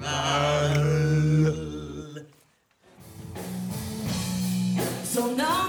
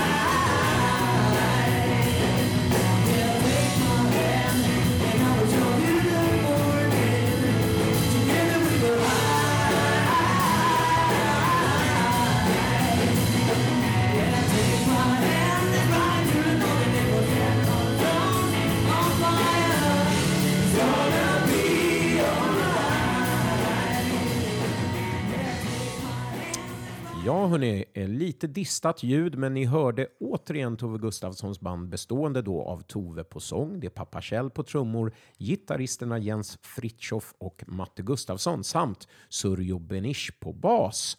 Eh, Så hur vill du sammanfatta Mönsterås Bluesfestival? Eller den heter så här, nu säger vi rätt från Ja. början. Mönsterås Blues och Roots Festival anno 2021, Fredrik. Ja, nej men jag skulle säga att det är en mycket bra sådan. Jag måste säga att jag hoppas att alla som har möjlighet åker till Mönsterås Bluesfestival 2022, för vi hoppas att det kommer en ny festival som inte har nå- någonting med pandemi att göra. Eh, och eh, ja, Det är mycket sanningar som har pratats i intervjuerna. Det är mycket blaj, eh, och kanske många tyckte här på slutet att det varit lite fylleslag. Men det, vet du vad, det gör ingenting, för det är festival och alla som lyssnar på den här podden går på festival och blir fulla, och det händer. Och jag måste säga att det var ju bara kul, och det bjuder ju du och jag på. Ja, man ska ju, måste ju tänka på att runt tre på morgonen är det här sista ni hör och då har de flesta gått hem. Jag vet att vakterna fanns inte kvar när en överförfriskad man ville eh, eh, ta sig in i studion, Mhm. bland annat, som vi fick ta hand om. Så att jo, så det gör vi såklart. Vi bjuder verkligen på det. Och vi hade väldigt fina intervjuer i övrigt. Ja, och, verkligen. Eh, det sista var ju ren humor egentligen. Ja, efterhänget. Ja, precis. Eh, Min förhoppning är ju att, som du sa, att det där var sista corona-anpassade festivalen vi, vi ser i det här landet. Förhoppningsvis då. Och att jag vill betona att de då, trots restriktionerna och endast 100 pers var det i publiken, eh, så hade crew, crewet, som det heter, kring festivalen inte sparat på någonting. Det var proffsiga scener, det var proffsigt ljud och ljus och en livestream i världsklass, det jag har sett. Eh, det ska Janne och kompani ha en stor eloge för. Verkligen. Eh, och det enda som möjligtvis kanske saknades var de här amerikanska eller internationella akterna som han pratade om då i, i- inför intervjun, Janne. Ehm, men, och sen missade vi då knyta ihop säcken med honom på Ja. natten där, för han hade massa att göra. Men Ja. jag träffade på honom sen på morgonen i lobbyn där Mm. och han var väldigt nöjd. Mm. Så att eh, vi fick en liten snabb recap om vad de tyckte. Så stort tack va? Ja, verkligen. Stort tack till Mönsterås, och jag hoppas att ni gillar den här megafältisen. Ja, den är, vi tickar in på över två timmar, kanske nästan tre här. Ja, det blir, här blir vårt maratonavsnitt. Verkligen. Och vi är inte klara än! Nej, det är för nu inte. kommer... Bluespodden tipsar. Ja, hörni, vi måste slänga in en Bluespodden tipsar här också. Eh, Och denna gången så passar vi på att pusha lite för egna grejer, men där andra, både städer och band i många fall, är inblandade. Och mitt första tips är lite i elfte timmen eftersom det är imorgon lördag den 18 september och det är The Lowdown Saints som släpper sitt debutalbum Hit Me Hard med bland andra dig som gästartist, Jajamän. Fredrik. Jajamän. Detta sker på Skanskvarn i Stockholm med start klockan 19. Ni är välkomna. Nästa tips blir The Beat from Palookavils eh, comeback efter ett långt covid-uppehåll. Eh, Så ni som diggar ska, rhythm and blues och allt däremellan är välkomna till Stampen fredag den 24 september. Lönehelg. Är det dags för dans? Mm, Ja, det är en del eh, får nog lönen där den dagen, ja. Eh, sist eh, från mig här, men inte minst så plussar jag för eh, gärna för Hedemora Blues Jam som får besök också då av The Lowdown Saints lördag den 2 oktober. Och hörni, även glöm inte Blues at Eskilstuna eh, som får besök av ett gäng band både fredagen och lördagen. Och eh, då ser ni både Fredrik framför mig här i trioformat och med sitt family band. Och mig får ni också trummandes med de här tonåringarna i The Bluebenders. Vad har du på gång? Jo, hörru du, det, jag har en del grejer på gång. Den 18.09 så gästspelar jag då med er. Eh, Ja. Vi har ju skrivit en låt ihop, du och jag Tommy. Ja, den ska framföras. Det ska bli kul. Long, long gone. Och den 25.9 så är det ju Tove Gustafsson band på Skanskvarn som jag tycker att Mm. folk ska ta sig dit. Samma ställe som releasen där. Precis, och den 1 oktober alltså samma fredag som restriktionerna släpps. Då spelar jag på Stampen med Puritanerna. Och det skulle bli otroligt kul och spännande att se hur, hur, hur vilken typ av puls det kommer vara på publiken eh, när restriktionerna släpps Mm. denna fredag. Och 30.10 så spelade jag också med Skanky Fred och Puritanen på Vätterledens motell utanför Jönköping. Ett anrikt gammalt raggarställe som hade mycket livemusik förr om åren. Och nu har arrangören Mats eh, Kiviniemi startat en bluesklubb där. Så det är vi och Fredde Nyström Band, som vi också haft med in från norr till söder, eh, kommer köra där den kvällen. Och så köp en biljett och sponsra livemusiken. Får jag bara fråga, Mats Kiviniemi, är det han från Fatboy? Nej. För att eh, det är någon som heter det i det bandet. Aha. Sorry, förlåt. Ja, det är lugnt. Mm. Nej, men han, det här är en kille som, är en, eh, som är en, en, äh, älskar musik. Jag tror han spelar, men jag tror inte han spelar i Fatboy. Nej. 31 tionde så kör också vi på Karlskoga blues och rockförening eh, ett eh, otroligt norskt upplägg och kör en sen eftermiddagskonsert helt enkelt på deras anrika hak Pumphuset. Eftas Blues, som det heter Ja, i precis. Norge. När man tror att det inte ska komma en själ. Man är där vid, men vid klockan två så är det knökat och folk är svinpackade. Ja. Eh, men vi hoppas att det, är, att det är lika kul och eh, vi hoppas inte folk är lika packade i Karlskoga. Nej. Men du, jag kom på en grej. Nej. Vi har ju aldrig missat från en norr, norr till söder i något avsnitt. Nej, det har vi inte. Och eftersom vi missade The Buckaroos i Mönsterås så tycker jag vi spelar upp något med dem som avslutning. Eller vad sägs? Ja, men vad bra. Då räddar vi detta anrika segment. Alltså från Skåne alltså, så kommer här The Buckaroos med Once More och eh, vad säger vi då? då? Ja, Ja, vi säger hej då. För, Ja. och jag hoppas att Ja. ni orkade med Ja. ända hit i detta maratonavsnitt. Tack Mönsterås, tack Ja. alla inblandade, tack och förlåt. ja tack. Och tack Haninge-killen som eh, hotar mig till livet också. Ja, han tackar vi. Tack han för- fick eh, blodet att rusa. Ja, verkligen. Tack för en, en upplevelse. En väldigt vild upplevelse. Ja. Vi hörs i oktober hörni. Ja. Hej, puss och kram. Hej, hej, hej, hej, hej, hej.